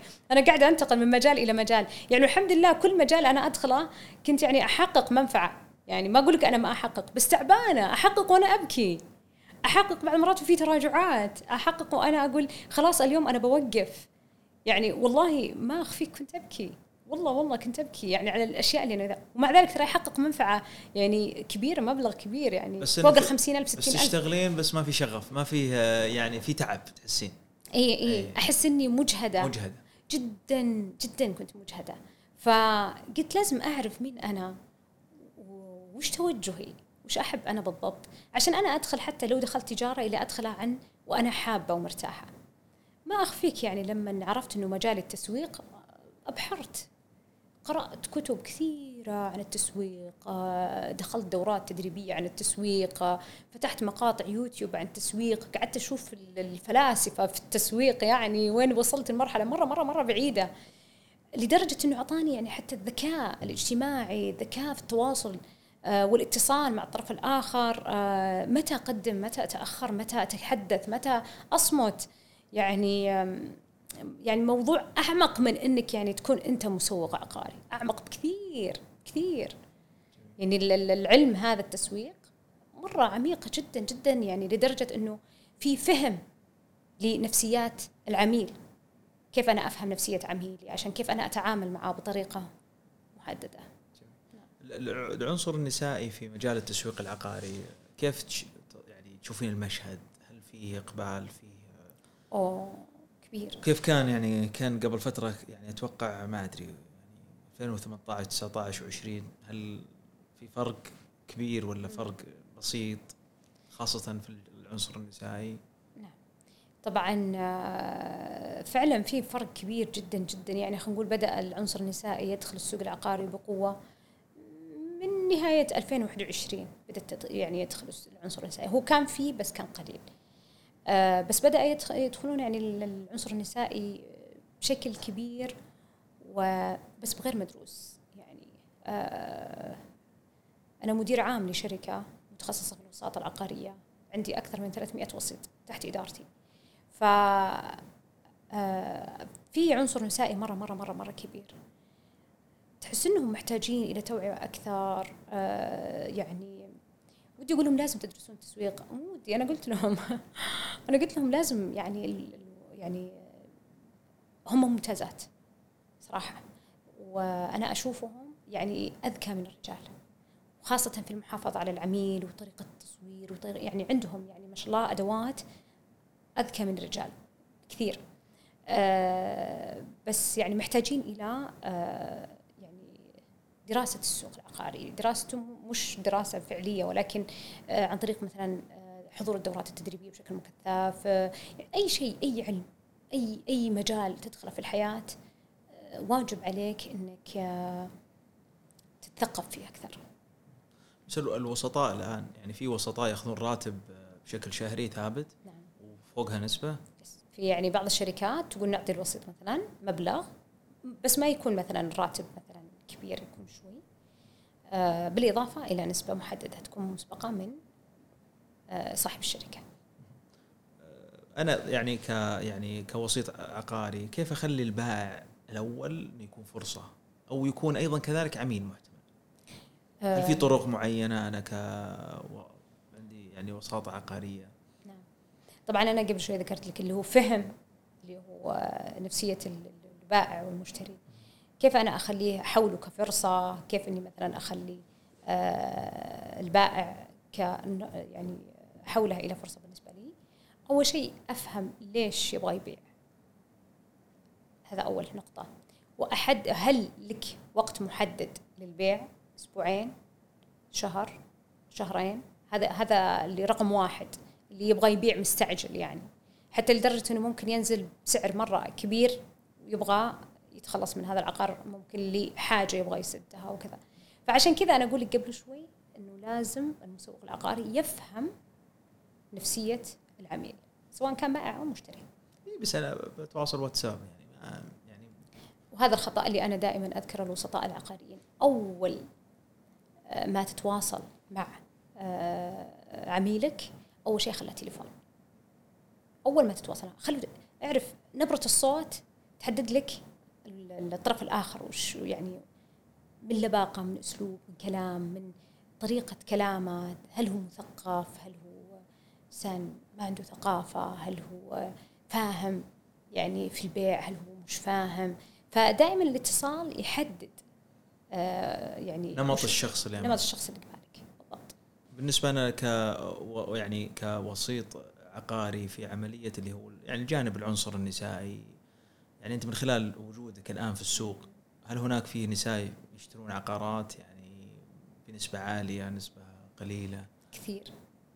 ما تتخيل إنه في الآن توجه النساء آه، لشرائهم العقارات بشكل ما تتصور مهول جدا. آه، وخاصة ألاحظهم شراء الشقق. يعني قاعدة أشوف آه، العنصر النسائي يشترون الشقق أو الأراضي على أطراف المدن. يعني أحس إنه الوعي اللي صار بالفترة الماضية آه، وسع مدارك المرأة في دخولها للسوق العقاري كاستثمار.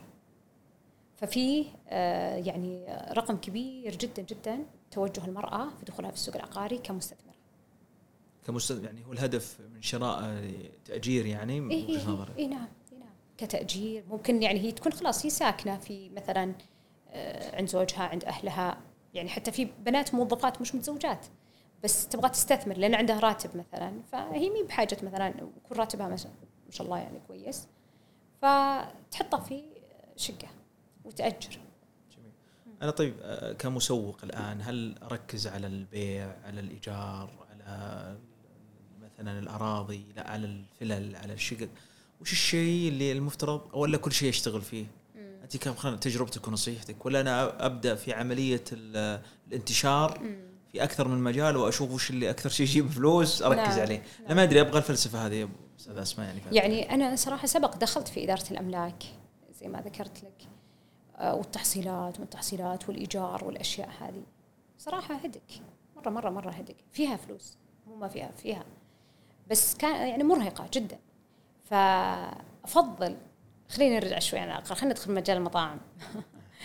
الحين أنا لما أسمع مثلا في مطعم متخصص في البرجر مثلا. مثلا يبيع مثلا أربع منتجات. وفي مطعم ثاني يبيع برجر وبطاطس وسلطات ومقبلات ومشاوي ولا لا. أنا أفضل هذا اللي عنده أربع أشياء. واضح. واضح ومهتم في جودته في جودة المنتج اللي هو يقدمه لكن هذا بتاع كله ما يعني قد يكون جيد لكن لن يصل إلى جودة الطعم اللي متخصص. متخصص. هذا في جانب المطاعم. لكن لو جينا من الجانب العقاري يعني يا اما إنك تتخصص في البيع يا اما إنك تتخصص في التأجير لأنه آه، عملاء المستأجرين يختلفون عن العملاء المشترين. فهذولا مجال وهذول مجال. هذا حتأخذ مثلا آه، 2.5% من قيمة مثلا العقار عند التأجير. تمام؟ بالإضافة حتأخذ نهاية السنة مبلغ ممكن مقتطع خمسة إلى ممكن 15% على حسب العقار اللي أنت راح تأخذه يعني حسب اتفاقيتك. من المبلغ الكلي بعد التحصيل. هذا فيه هدك فيه ممكن ترميمات فيه ممكن تدخل في آه، مستأجر ما سدد. تدخل معاه ولازم يلا تقنع لأنه في وجهك هذا العقار هذا في وجهك فأنت مسؤول عنه. ف يا إنك تتخصص أنا أفضل يعني عن نفسي في بعضهم حاط كل شيء مع بعض بس يعني أنا عن نفسي يا اما اني اتخصص في إدارة المرافق مع اتحاد الملاك يعني مع إدارة الأملاك يا اما اني اتخصص في بيع العقارات. بيع العقارات في تخصصات. تجاري سكني.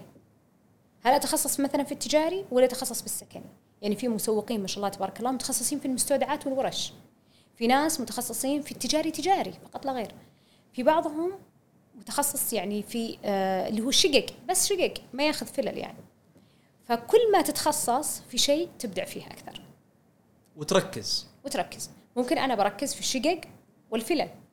ممكن أركز في الأراضي التجارية والسكنية. أراضي بس أحد يتصل علي أنا ما عندي إلا أراضي. هذا يعطيك تميز. خلاص فلان روحوا لما الحين أنا عندي براسي كذا شخص محددين براسي أعرفهم. هذول متخصصين في أراضي الخام. هذول متخصصين في الأبراج. هذول متخصصين في الورش والمصانع والمستودعات والأشياء هذه. هذول متخصصين في الشقق بس فقط لا غير. آه، يعني واحد فقط يدور براسي لما أبغى طلب أروح لما لأنه أدري إنه هو متخصص في هذا المنطقة. في ناس متخصصين في طريق الملك فهد وطريق الملك سلمان بس تخيل كأراضي وأبراج. يعني شوف شلون التحديد حتى في الشوارع يعني مرة مرة يعني. طيب أنا بتخصص في أنا محمد في العقار القديم. كيف أنا؟ آه وتعرف العق- العقار القديم. له تقييم معين مو مثل الأرض ولا مثل الشيء الجديد كيف أنا أقيم العقار القديم؟ أنا أنا كمتخصص في العقار القديم خاصة البيوت القديمة.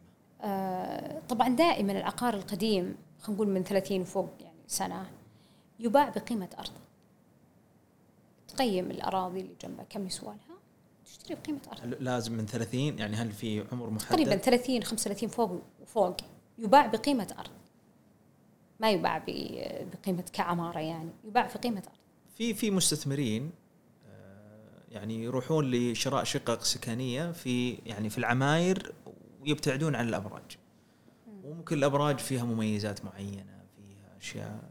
صحيح. وش السبب اللي يخليهم يبتعدون؟ وجهة نظر هذه ترجع برضو لنفسية المشتري سبحان الله. في بعضهم ما يقتنع في مثلا إني أنا اشتري أنا عندي مثلا شقة في شمال الرياض في عمارة قيمتها مليون ونص. وعندي شقة في برج قيمتها مليون ونص. وش الفرق؟ يعني أنا كمشتري بعضهم يقول أنا أبغى هذه اللي في العمارة ما أبغى اللي بالبرج. علما نفس السعر بس مش نفس المساحة. مساحة هذا الفرق. إي. مليون ونص قد تكون مساحتها 45 متر مربع يعني استوديو تمام؟ فيقول أنا أدفع مليون ونص على استوديو لا أنا بشيء كبير. فعلى قولتهم على العين. بعض المرات تكون العين شرها أنا ادفع مليون ونص على مساحة 200 ولا ادفع مليون ونص على استوديو. فهي تعتمد على نفسية المشتري. بس وين عقلية التاجر اللي بيفكر؟ أيهم أفضل؟ مثلا المفاضلة. ويدرس هنا كم الدخل ويدرس هنا كم الدخل بالمية. طيب المشغل كم ياخذ نسبة هنا وهنا كم ياخذ نسبة؟ مشغل وش تقصد المشغل كإدارة أملاك. إذا أنا ماني ماسكتها كإدارة أملاك طيب كم ياخذ مني؟ مثلا أنا هنا مثلا أنا بأجرها لنفترض مثلا بتسعين ألف وهناك أنا بأجرها بتسعين ألف مثلا مثلا. بس أنا عندي هنا مشغل ياخذ مني خمسة بالمية بالسنة من التسعين ألف. لكن هنا ياخذ مثلا مني عشرة بالمية. فأنا أحسب المصروفات نهاية ال- أسوي دراسة وأحسب المصروفات نهاية السنة. كم حتعطيني مكسب؟ فأنا أقول كنا يبدأ يشتغل عقل التاجر يشوف يفاضل ما بين هذه وهذه عشان يتخذ قرار لي أخذ العقار في شقة ولا في برج ولا في عمارة. آه، يعني إحنا نسمع في الآونة والاخيره بس ما ندري عن صحتها يعني لأنه ما أدري ما ما قرأت صراحة يعني كرقم صريح ومحدد. في أشخاص شروا منازل الآن وتراجعوا عن هذا القرار بعد.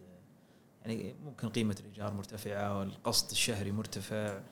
زاد زادوا عدد الأبناء المصاريف الحياة صحيح. تغيرت آه، هل الإشكالية الآن من عملية اللي هو التأسيس إنه الواحد. يتقدم خطوة إلى الأمام ويشتري مثلا دبلوكس ما يشتري شقة.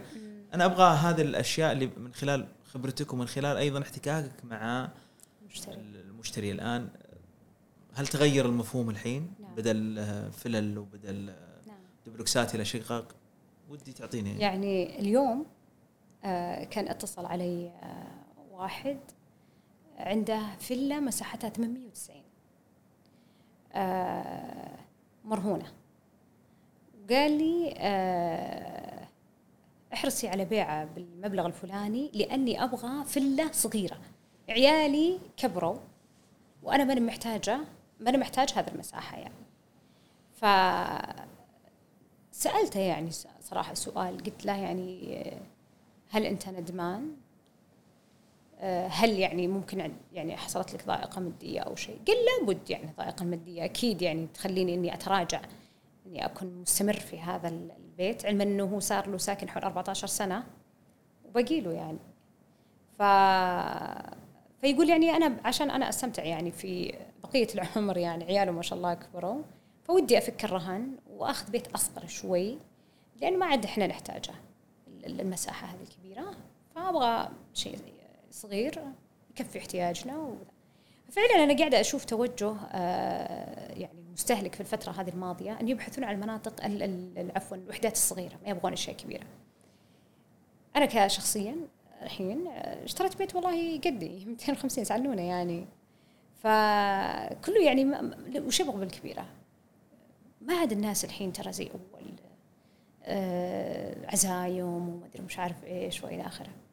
فاتخاذ القرار لشراء منزل آه، مرهون لازم يكون مدروس. أي مستهلك مستقبلا يعني من اليوم وقدام ادرس الموضوع. هل عندك دخل ثاني؟ هل في أحد يساعدك في مثلا آه، اقساط هذا البيت؟ يعني في بعضهم يتحد هو وزوجته فعشان تخف عليه شوية المصاريف ويقدر مثلا يح... ي... خلاص هو عنده عاطفة التملك غصب يبغى يتملك بيت يعني. فبما إنه خلاص حقق مراده اللي هو يبغاه بس إنه في مساعد له مثلا أو عنده دخل ثانوي. فتملك البيت يجب أن يكون خاصة إذا كان يعني حيكون مرهون للبنك يكون بدراسة. نصيحة يعني صراحة. لا تتخذ قرار إلا أنت فعلا دارس الموضوع على مدى يعني أقل شيء أقل شيء عشر سنوات قدام. لا تتخذه إلا أنت فعلا آه، عارف وش توجهك يعني. جاتك عروض لفك رهان كثير؟ كثير. كثير. كثير. طيب أنا بش يعني أنا درست وبشتري منزل. هل أتجه لل... للأشخاص اللي يفكوا الرهان؟ يعني هل ممكن المبلغ يكون أقل؟ سعر التكلفه وكذا. غالبا آه، اللي يشتري آه، البيت المرهون على الكاش أكثر شيء. يعني مثلا أنت إذا تبي تبيع بيتك لازم يكون الشخص آه، عميلك يكون كاش عشان يفك لك لأنه في نوعين من العقود اللي هو المرابحة والاجاره وكذا يعني. فعشان ما تدخل في والمتاهات وكذا يعني. أفضل لك إنه يشتري أحد يفك لك ال- اللي هو الرهن وتبيعه عليه. وتكمل بس إنه في كثير ناس والله صراحة يبغون يبيعون بيوتهم مرهونة يعني. الله يعوضك. امين ال- الآن ال- أنت تق- تقدمين دورة أنا لفت انتباهي في دورة تقدمينها. نعم. ما أدري لها مسمى الدورة؟ جلسة عقارية. آه، جلسة كم عقارية. قدمتي دورة؟ ومتى بدأت يعني؟ آه، يمكن من سنتين تقريبا كل بين فترة وفترة أقدمها. بدايه كنت أقدمها على حسابي الخاص.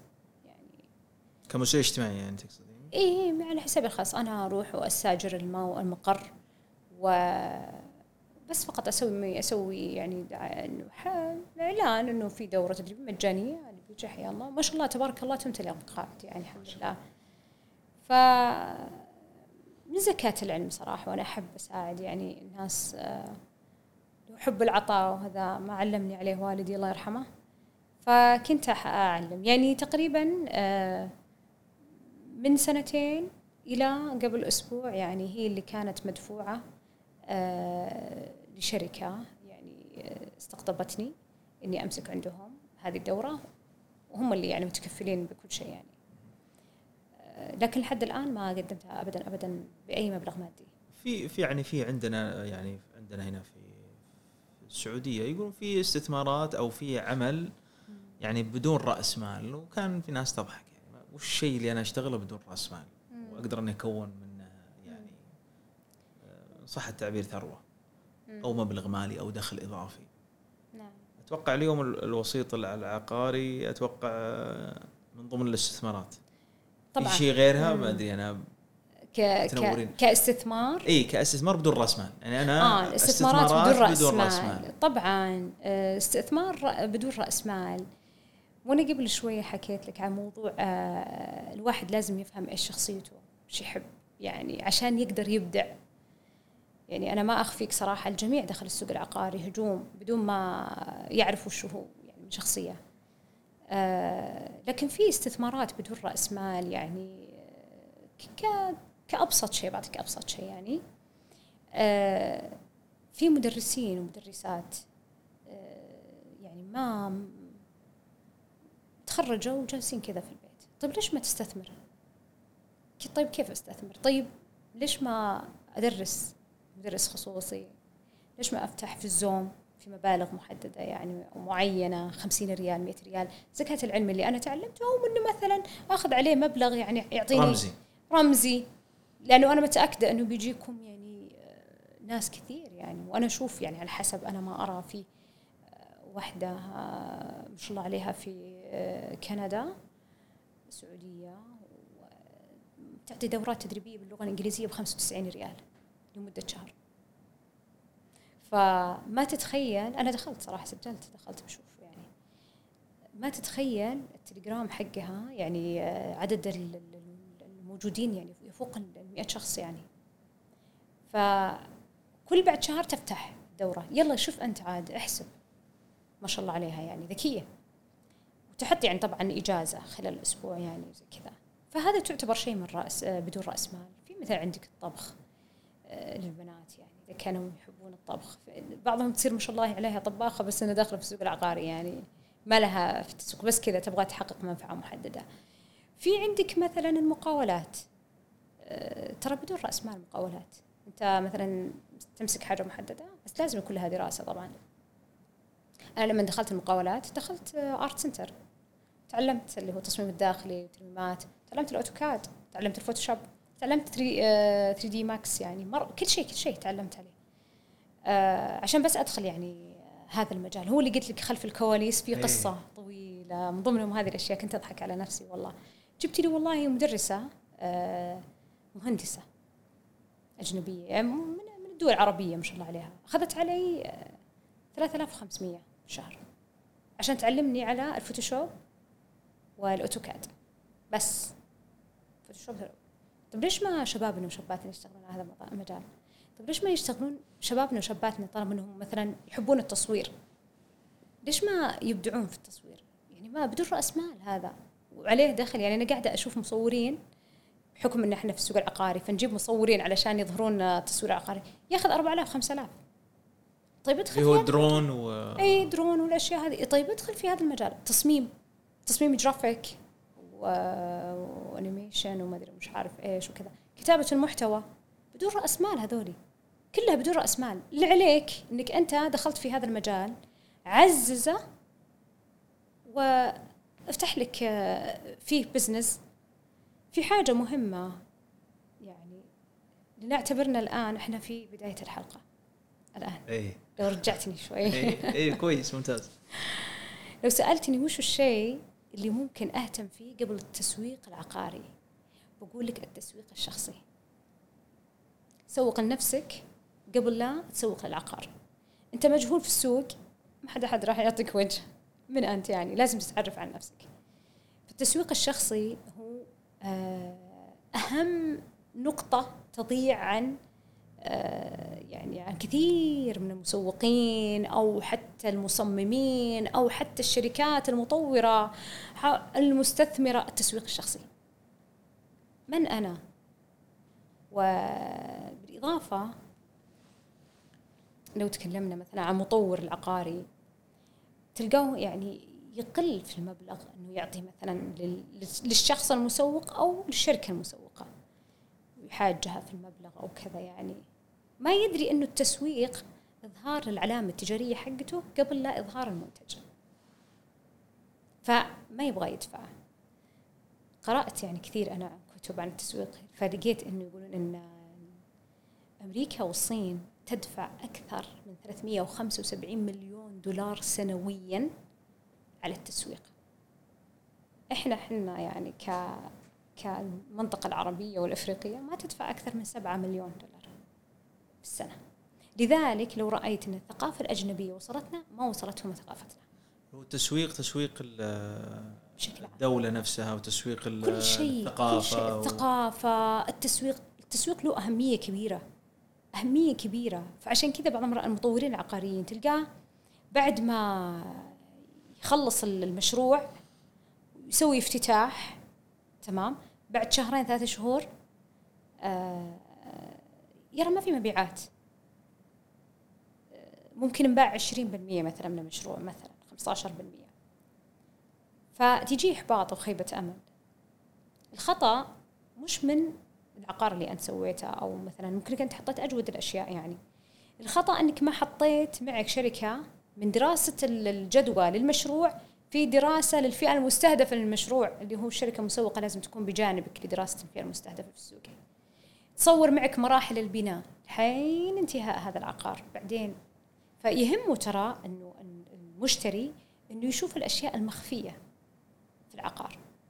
لما أنا أجيب شركة مسوقة تصور لي المشروع ليل نهار آه وشو أبرز الأشياء الموجودة في العقار؟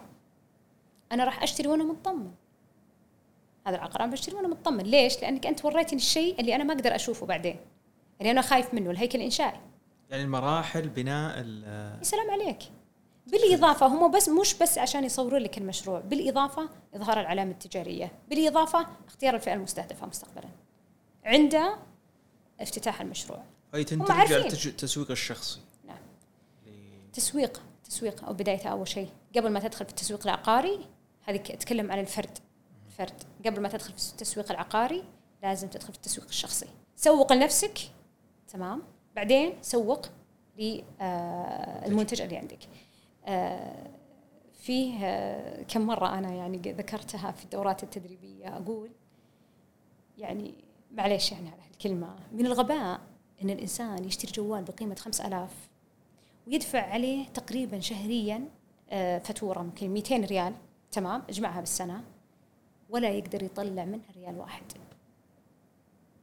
أنا معاي العالم في جوالي وأنا في بيتي معاي العالم في جوالي. والله يعني في ناس طلعت يعني ألوف مؤلفة في السنة عشرات الألوف عن طريق هذا الجوال.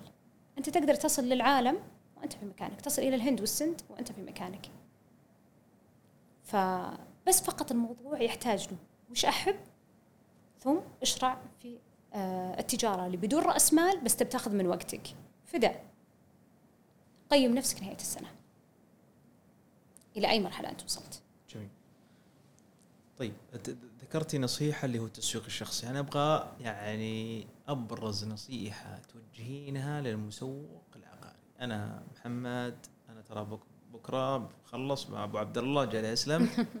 نعم. بروح بصير مسوق عقاري. أنا الحين أقنعتيني. إيش أبرز نصيحة تقول يا محمد؟ أنت كمسوق عقاري اهتم فيها على أساس تبدع وتنجح. أنا عرفت نمطي إني أنا والله أحب التسويق أحب التواصل أحب العلاقات أحب فلوس بعد. الجميع نعم. اي فأبغى أكون مسوق عقاري وش النصيحة؟ على أساس إني أنا أبدأ وأنتقل وأتوكل على الله وأبدأ. إيش ابرز النصيحه؟ يعني صراحة وأختم بها بين قوسين. كن صادق وأمين. حافظ على علاقاتك. لأنك إذا كنت أنت صادق وأمين وهذا الشيء اللي يفتقده السوق. يعني العقاري اللي هو الصدق والأمانة والشفافية والوضوح.